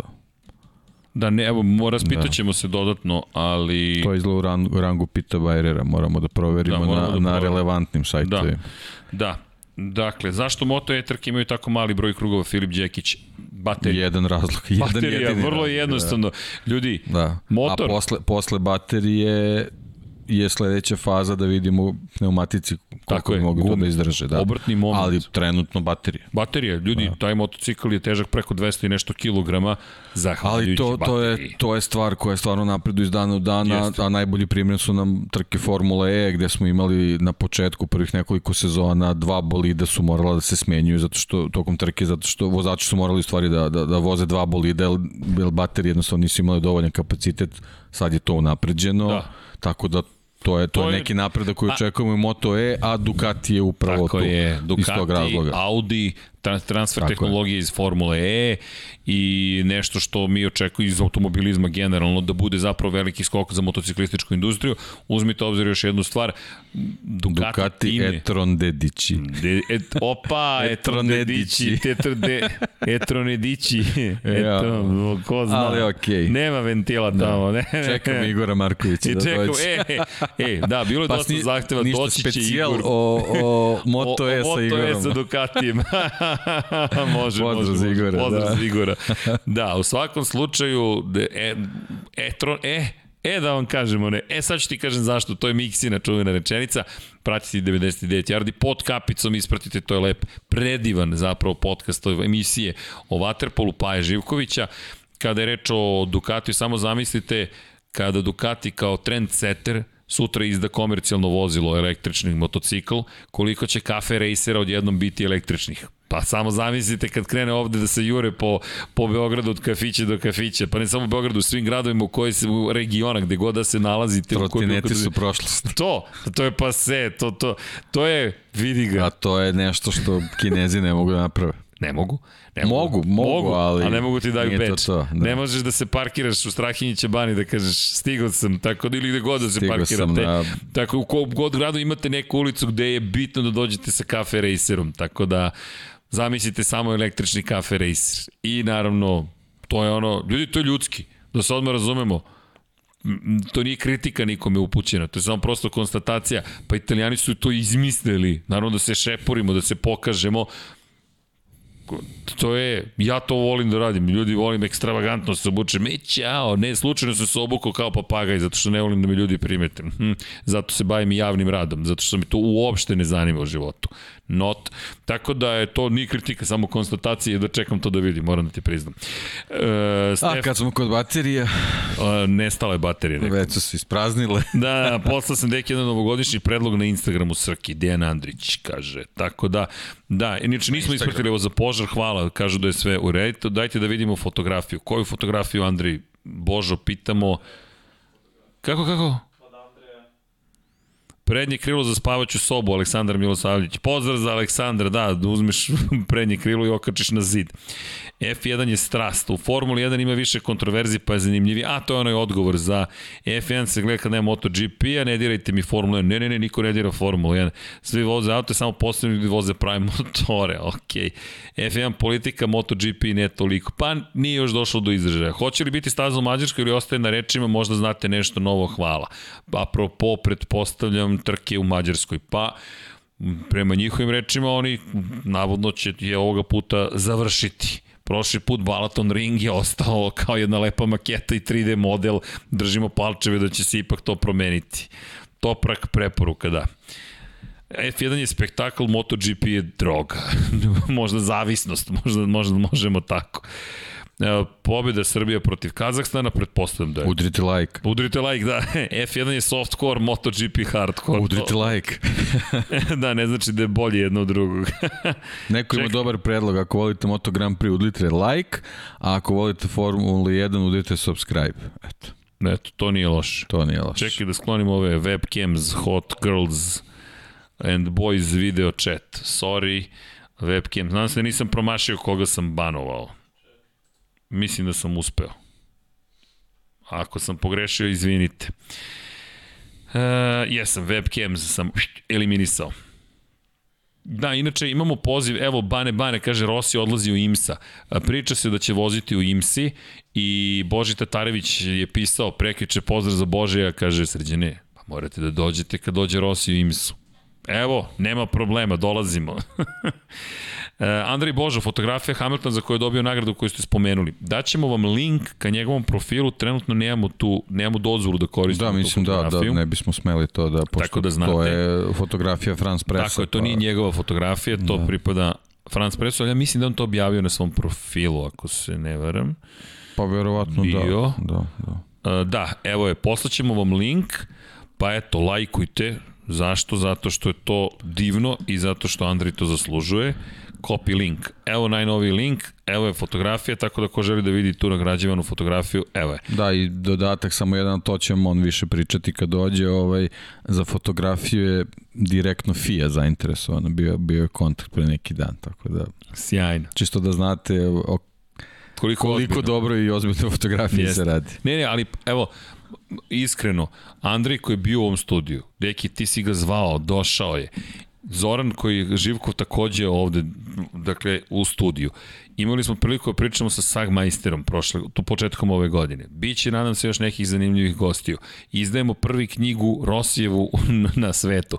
Ljudi, stvarno se nekako ponosno osjećam da ova ekipa je prenosila lansiranje raketa. Potrudit ćemo se još da ih bude samo mnogo toga se i radi iza kulisa. Sad možemo da vam kažemo zašto nas nije bilo u nekim situacijama.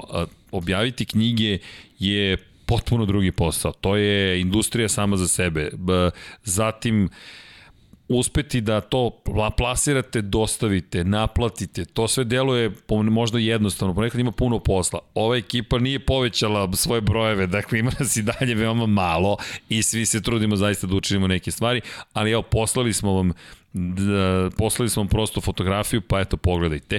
Inače, e, da li možemo da skupimo dovoljno novca i kupimo Ducati gde smo se dići GP Casey Stoner iz 2008. koji se prodaju u Nemačkoj za sitnih 449.000 evra i stavimo ga u studiju na kraju univerzuma. Kađiva GP500 je nedavno na aukciji prodata za 150.000 dolara, tako što se mene tiče, može i to. Da, inače Minotaur kaže više subscribera treba mnogo više. Budite subscribe. Vrlo rado. Pa znate kako, mi idemo neki organski što kažu. Korak po korak. Ja sam uvek za to. Znate šta, možemo da odemo i da kupimo subscribere što kažu, da platimo, platimo, platimo, ali mi bismo da ljudi budu ovde subscriberi koje, nas, koje zanima zaista ovo i koji žele da slušaju ovo što mi radimo i da budu uz nas. Mi ćemo se potruditi da obezbedimo mi još zanimljivih stvari i da budemo još bolji da podignemo na sledeći nivo igru, igru, nama je ovo igra i da budete i vi ponosni i mi na sebe da budemo ponosni. Ja mislim da je bilo lepo sinoć što smo vozili iskreno u Saudijsku Arabiju, što, ali što smo se ispremili. Meni je lepo zato što sam uspeo završim krug. Ne, ali super je bilo. Pre svega to. I vidi, mnogo, mnogo lep moment i, i to ćemo isto pokušati da organizujemo. Dali su nam, inače neko nam je organizovao Discord server i to ćemo se potruditi zaista da zaživi korak po korak. Malo nas je, ljudi, Malo nas i u godinama smo ljudi. da, ovde najmlađi za stolom 45 godina. dakle, odvanje da nema ljudi Metuzalehova deca. Ozbiljan prosek bi bio. prosek da me 47 i po vrlo lagano. Tako da ima i toga. Drugo, znate kako, to ne volimo da pričamo. Ljudi, to... ja sam video Tita. šta da vam kažem? Tako da je to dovoljno. I naravno, mi se trudimo, ne, ne volimo o tome da pričamo previše, jer ne deluje kao da je to profesionalno bitno treba i da zaradimo novac da sve ovo održimo. Tako da eto, trudimo se, imamo triple poslove, ne odustajemo, nije to kukanje, mi smo preponosni. Čujte, dovoljno je ovo što smo dobili. I zaista, nagrada za najbolji podcast Lab 76, mi smo preponosni i hvala celoj porodici Neko koja je uložio trud da, da, da, da nam oda da priznanje, to je ozbiljna stvar. Ne, ne postoji bolja nagrada, prosto mi želimo da ovo traje i traje i da, i da radimo još zabavnije stvari, zanimljivije, pa eto, zato i pričamo ovako s vama, prosto mi smatramo da ovo način na koji treba pričati. Bukvalno. To, to je ono što mi na, želimo prosto da, da, da, da postignemo i tako dalje. E, da, šta je pitanje ko će u penziju, pa mislim potkod dočekit ćemo Rosije, ne sumnjam. Uh, nadamo se da ćemo imati Rosije, to bi bilo lepo. I to pokušavamo. Može li da se prede ova knjiga sa Rosijem likom što se nalazi ispred crkjevog laptopa? Aha, ovo vam je, ovo nema veze sa Rosijem toliko, koliko ima veze sa trkanjem generalno i mi ovde govorimo ovde govori Matt Oaksley o, o, o mnogim temama u Moto Grand Prix svetu. Dakle, ovo nije samo vezano za konkretno za Rosija, ovo je vezano za Moto Grand Prix, za umetnost vožnje, za to kako je kralj Kenny promenio, tako da jedno pitanje je da li je ovo sa Rosijem, nije ovo sa Rosijem, Rossi je prodajni moment, Rossi je taj koji zapravo prodaje zato što je njegova slika, fotografija na, na samoj knjizi, ali je stvar u tome što zapravo Matt Oaksley piše o tome kako se proizvode gume, koliko je teško, to, on to zove crno magije. A generalno upoznavanje sa, sa svetom motociklizma, Tako je. u stvari vrhunskog motociklizma. Tako je, Stealing Speed je o istoriji motociklizma, tako da imam tu mnogo stvari, imate ovo, ovo je predivan poklon koji smo dobili, ovo su fotografije. I kaže fotografska proslava Moto Grand Prix-a Bukvalno, Moto Grand Prix u fotografijama. Ima mnogo lepih knjiga, mnogo lepih strana. Klub Pirana da prevedete. Jedna od naših svakako želja. Da najveći problem sa autorskim pravima za starije knjige je što niko više ne zna kome pripadaju prava. I mi smo tražili neke starije knjige, mi još uvek čekamo odgovore. Mm, neverovatno je, dobili smo, ili verovatno, dobili smo prava za knjigu koja još nigde nije izdata, za neke knjige koje su već izdavane više puta, nema odgovora Niko se ne javlja na telefon, ne šalimo se. Ljudi koji su vlasnici autorskih prava ne odgovaraju. To delo je kao nemoguća misija, ali to je neko izdao pred 25 godina i dok I nađete na osobu. Jamajku. Otišao na Jamajku, bukvalno. Tako da znate. Klub Pirana hoćemo da prevedemo, to bi bilo lepo. U svakom slučaju, Za koji dan menjam posao, ako sve bude kako treba, pojačat ćemo i Patreon. Hvala Andrej, hvala, Hvala. što nama koji pratimo lepše te večeri ne provedeno u auto, slušam vas kada putujem da posao i kada putujem poslovno.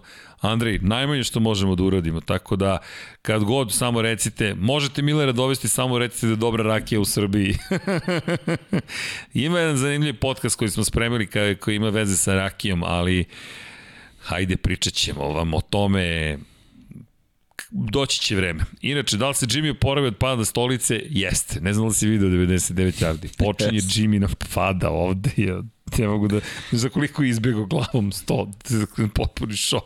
Ali dobro, to je sve, to se sve događa. Evo jedno pitanje za F1. Mislite da nova pravila ima neku sivu zonu što se već tiče ili mislite da Formula sve više na F2 a, sa minimalnom zamenama na svim bolidima? Računajte da imate trofej za najbolji podcast koji dodeljuje Hajduk Uskok. To Hajduče Uskoče, eh, Hajduk Uskok, poklon se sprema, nismo vas zaboravili, samo da znate. Samo mora da se neke još stvari završe. Evo sad čutim, bolji sam, popravljam se. I Muhamed Hajdari, da li, pa nema, čujte, dosta je, do, dovoljno je prostora ostavljeno u Formuli 1, da će biti različite rešenja za sledeću godinu.